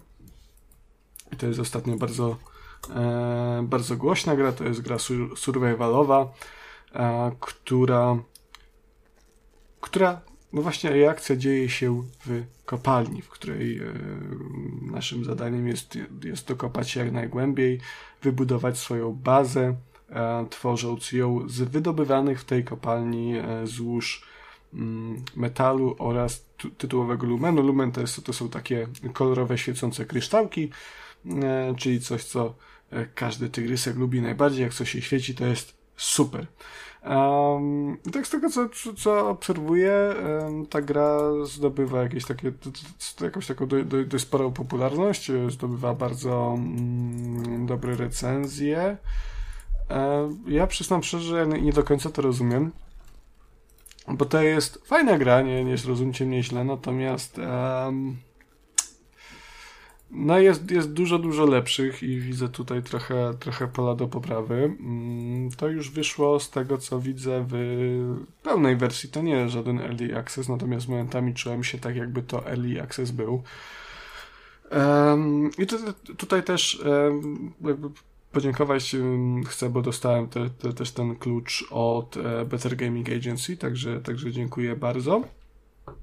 Mm, natomiast no, no to, to tak średnio mogę to sklasyfikować jako reklamę, bo ta gra też nie do końca mi się a podobała. Chociaż bawiłem się dobrze. To jest taki, taki e, w miarę przyjemny zmulacz, e, przy którym można sobie spędzić trochę czasu, pokopać sobie skałki, pobudować sobie bazę, odeprzeć jakieś fale przeciwników. E, natomiast, żebym w to jakoś tak dłużej mógł pograć, to nie jestem pewien. Ta gra jest trochę nudna na, na, na, na dłuższe, e, na dłuższe sesje. Mm, to jest tutaj kilka trybów rozgrywki. Ten, ten główny, w którym, na którym ja się skupiłem, to jest kampania składająca się z 27 misji e, i która starcza na jakieś 20, no, przepraszam, na jakieś no, kilkanaście godzin powiedzmy. Do tego mamy klasyczny taki tryb e, wolny, jakieś tam różne challenge, coś tam tego, natomiast no wszystko sprowadza się do tego, że wydobywamy te surowce, budujemy własną bazę, mm, budujemy zasieki, jakieś e, działka i odpieramy fale potworów, które próbują zniszczyć rdzeń naszej bazy. E, psikus polega na tym, że ta gra, przynajmniej w kampanii, jest, jest dosyć prosta e, i no przez to nudna, ponieważ między falami wrogów dostajemy sporo czasu, aby bazę przygotować, tylko nie ma po co, bo wystarczy e, troszkę tylko mm, zbudować zasieków, kilka działek i już to sobie radzi ze wszystkimi przeciwnikami. No problematyczne są te późniejsze fale, bo tam jest ich troszkę więcej.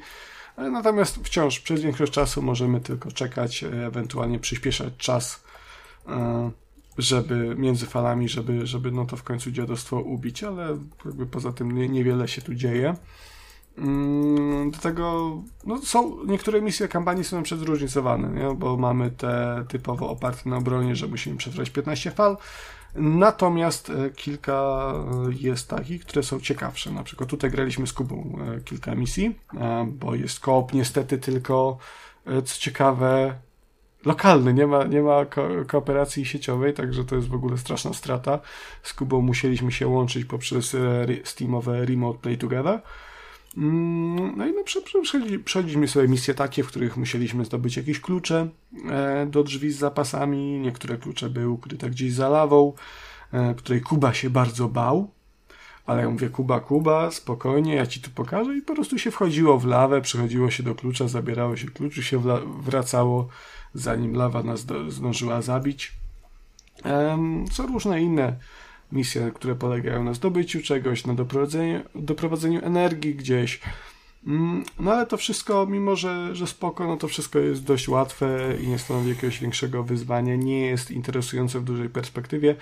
Mm, absolutnym, absolutnym szczytem tego była misja, którą e, dzisiaj przed podcastem. E, I to jest misja gdzieś w dwóch trzecich gry, czyli, czyli dosyć późno, która sta, stawia przed nami cel dotarcia do e, pewnego punktu na, na, mapie, natomiast oznajmia nam, że tam jest bardzo dużo mm, silnych przeciwników i faktycznie ci silni przeciwnicy są. A ponieważ przeciwników mamy i tych takich, um, takie mięso armatnie, takie glutki i żuczki, które podgryzają nasze zasieki, ale mamy także również potężnych bossów, którzy jak rypną, to inoros niszczą wszystko w zasięgu kilku metrów przed sobą.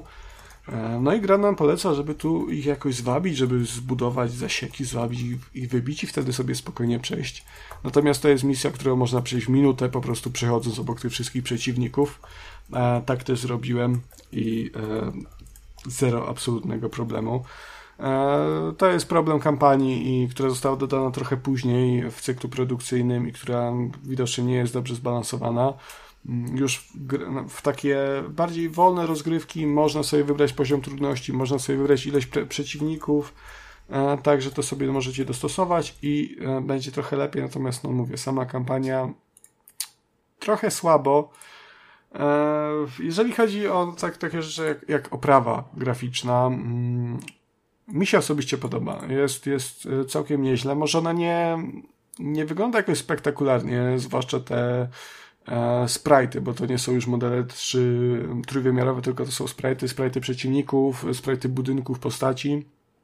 One wyglądają trochę biednie, a, ale już całe to oświetlenie, tak to, jak to fajnie wygląda, jak ten lumen się świeci, jak niektóre mniej korytarze od tego lumenu się świecą, jak ten rok na to wszystko wpływa.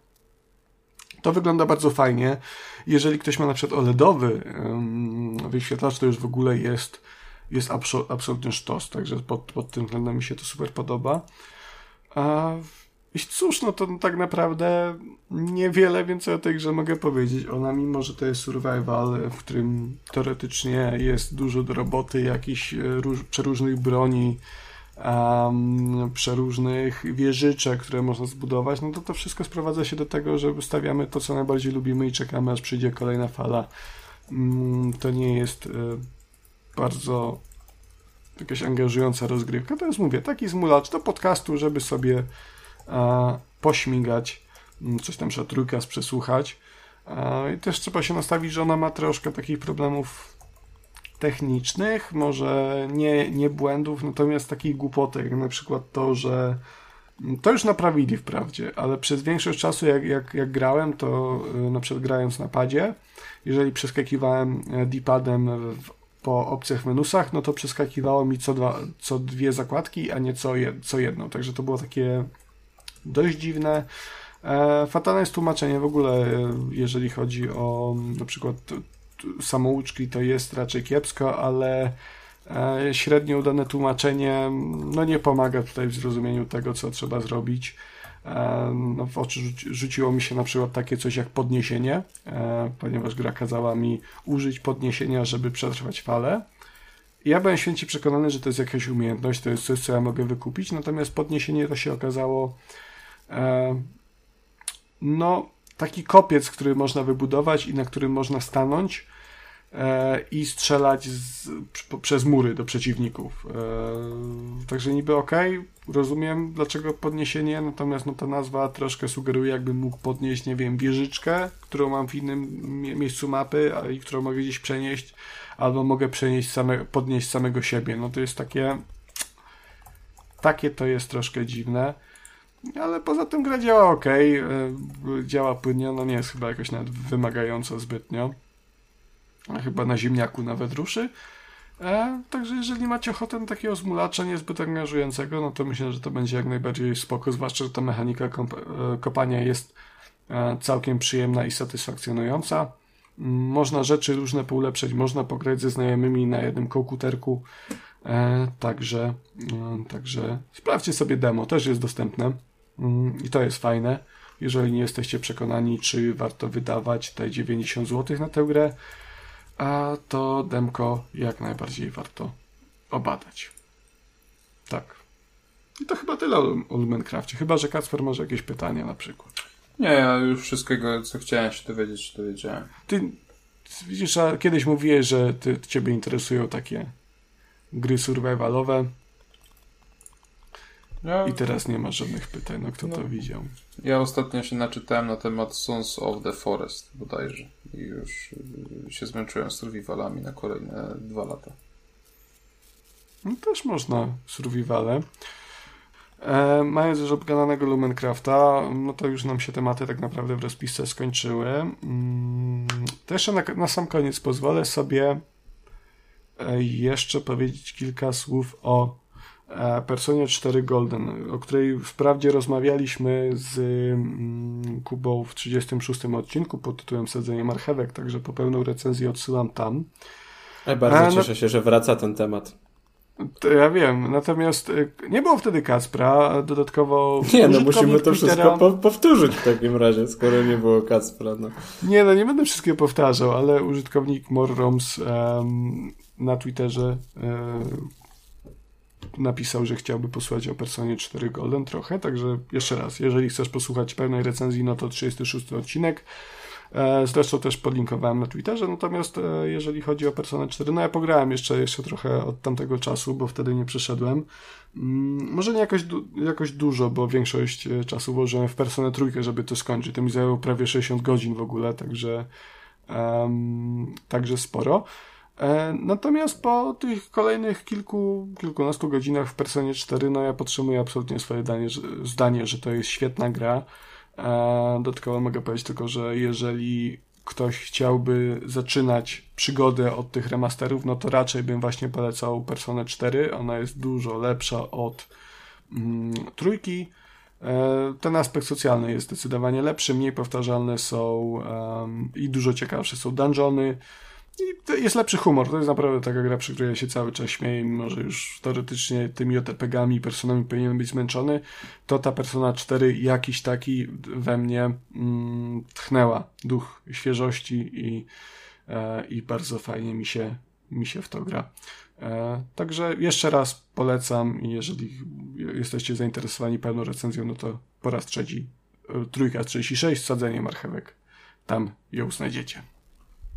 To ja jeszcze tylko na koniec chciałbym się wytłumaczyć, że w tym odcinku nie ma żadnej mojej recenzji, bo ja ostatnio jestem bardzo mocno zafiksowany na starsze gierki i, i w co grałem ostatnio? Grałem w Zara, grałem w Gorki, grałem w Majesty, grałem w Red Faction, także jakoś po prostu w te starsze gry gram. E, A to jaki bardzo... to jest problem? No właśnie, ja chcę powiedzieć, że ja jestem przygotowany na i czekam na trójkast retro, który ale to, mam nadzieję ale to możesz o takich grach opowiadać w większej ilości nawet na regularnych odcinkach, panie Kubusiu. A to ja myślałem, że jest zakaz, że dlatego jest retro, no że w życiu, no nie. Co ty? Panie, Chcesz o czymś panie. powiedzieć? Nie, no tak z partyzanta, no szybko bez Dawaj z partyzanta. Red Faction, nie, dawaj. no Red Faction. Przeczyłeś. Znaczy nie, że przeciłem. Wiesz, ja Red Faction zapamiętałem jako grę wymagającą w jakiś sposób i też pamiętam... Mm, bo ja wiem, że to Red Faction u nas było. Jakoś... E, no wtedy też, też ten angielski był problemem, bo, bo nie rozumiało się tak dużo, jak się rozumie teraz z tej gry. Pamiętam właśnie też tą fabułę, coś, ten bunt i tak dalej, jak przez mgłę. E, no i co? No i strzelanka taka jest. No wiem, że to jest kultowa gra w sumie. Dużo osób za, zachwala. Tam chyba miał, e, no może wtedy robił duże wrażenie ten system zniszczeń. Też jak zobaczyłem gdzieś ten pojazd taki z tymi dwoma wiertłami na, na froncie, to też miałem takie wspomnienia, mi się od razu aktywowało, że faktycznie tym się dało kopać w tej ziemi i te tunele się drążyło. No ale trochę się chyba więcej spodziewałem po tym Red Faction, mam takie wrażenie. No dobra, jeszcze sobie gram. Mm, też oszukałeś mnie, tutaj muszę od razu powiedzieć, bo e, długo się zastanawiałem, po co są właśnie takie elementy, że tam możemy tłumik do pistoletu doczepić albo przenosić zwłoki, bo no ta gra w pierwszej godzinie, dwóch nie miała w sobie nic ze skradanki, a nic takiego, ale był już taki jeden etap, gdzie Tam są dosłownie trzeba... dwie albo nawet jedna misja, gdzie jest skradanie i do tego można to przejść normalnie jak strzelankę. No tak, sorry, tak, że tak. nie pamiętam. E, dałoby się to. E, no to przerzucanie, dobra, to zwłok to naprawdę nie, niepotrzebne to wszystko. A koniec końców to po prostu się robi piu piu piu i w sumie to jest takie dość, dość proste piu piu piu, bo mam wrażenie, że mamy bardzo dużą przewagę nad przeciwnikiem, nie musimy się bardzo starać. E, gdzieś tych apteczek, kamizelek, tego jest od groma, amunicji też nie musimy się martwić, mamy pod, dostatkiem tego wszystkiego. Bronie są w sumie fajne, bo jest tam jakieś takie dość standardowe, ale okej. Okay. Jest wyrzutnia rakiet, jest jakiś shotgun, jest yy, i tak w sumie karabinek najlepszy. Yy. No i co, no, no, nie będę tu dużo opowiadał, bo jeszcze nie skończyłem i, i, i, fabularnie nie wiem, jak to tam się dalej rozwinie. Na razie jest, jest bunt, tak? Chcemy, chcemy obalić tego, te, te, tą, tą złą korporację, która gdzieś tam wykorzystuje biednych górników, wykorzystywała biednych górników w podziemiach. E, no i zobaczymy, zobaczymy. Ale mam ostatnio taką fazę, że po prostu wchodzę na GOG i o kurczę, w to bym zagrał i w to bym zagrał.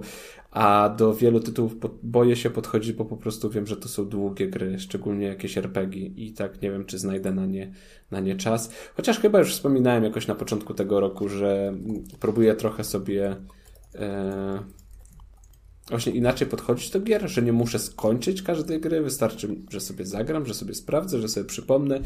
Także no, zobaczymy. Może, może ten rok upłynie po prostu pod znakiem retro. Retro jest, jest fajne i nie wszystkie gry się tak źle zestarzały. Mm, nawet nie trzeba mieć dużego sentymentu, żeby się w niektóre tytuły fajnie ba bawić. Także jak najbardziej polecam zajrzeć sobie na Goga, zobaczyć co tam e, jest ciekawego. Te niektóre gry to można wyrwać w naprawdę dużych promk tam cały czas na Gogu promocje, po tak, 5 zł te Za Majesty to chyba zapłaciłem 6 zł, za to Red Faction no. też jakieś grosze. Także po prostu też jak się nie ma tej presji, że chcę ten konkretny tytuł tu i teraz, no to mm, za 20 lat na Gogu będzie. Tak, wystarczy sobie gdzieś dodać do, do listy życzeń i, i czekać. No i też y, taką za, zależność zauważyłem, że y, jak pisałem na Twitterze gdzieś o Gorki, to ktoś mówił, że o, ale Gorki to takie tam duże problemy miało na PC, tak jak to teraz wygląda. To samo z Majesty. Nie ma już 4 czy 5 gier tych retro sprawdziłem i póki co nic, nic się nie działo. Wszystko śmiga tak, jak powinno śmigać. A nie, przepraszam, kłamie. Był błąd w Red Faction. yy, trzeba było doinstalować patcha takiego. Yy, po prostu yy, łódź podwodna wybuchała sama z siebie o, z jakiegoś powodu. To pamiętam, też to miałem. No, trzeba było coś tam to doinstalować do tego. Ale to chyba, nie wiem, no, powinno być już w bazowej wersji gry, no nie było, ale da się to dość sprawnie i, i gładko naprawić. Także, no, sięgać po retro. No dobrze, także y, przeszliśmy przez bardzo nowoczesną technologię, jaką jest VR, e, a, a dosłownie PSVR 2 przez różne indyki i JRPG, puszcza oczko, aż po retro. E, Pięknie to spiałeś, Kasperku, pięknie. Dziękuję. Piękna klamra. Wybrnął. Dziękuję, e, wspaniale. E, także tak, to był, proszę Państwa, 38 odcinek Trójkastu. Za mikrofonami jeszcze raz był Konrad Noga. Dziękuję za uwagę. Dobranoc. Do widzenia. Cześć i czołem. Kluski z rosołem. Kuba Smolak. Dziękuję bardzo za uwagę. Życzę miłego wieczoru, dnia, tygodnia. Do usłyszenia, do zobaczenia. Oraz ja, czyli Kasper Sombrowski, również dziękuję pięknie i pa pa! Pa! Pa! A wy? Co sądzicie o grach i tematach poruszanych w odcinku? Koniecznie dajcie nam znać w komentarzach, na Twitterze lub poprzez adres e-mail. Wszystkie linki znajdziecie w opisie. Pozdrawiamy. Ara, ara, sayonara!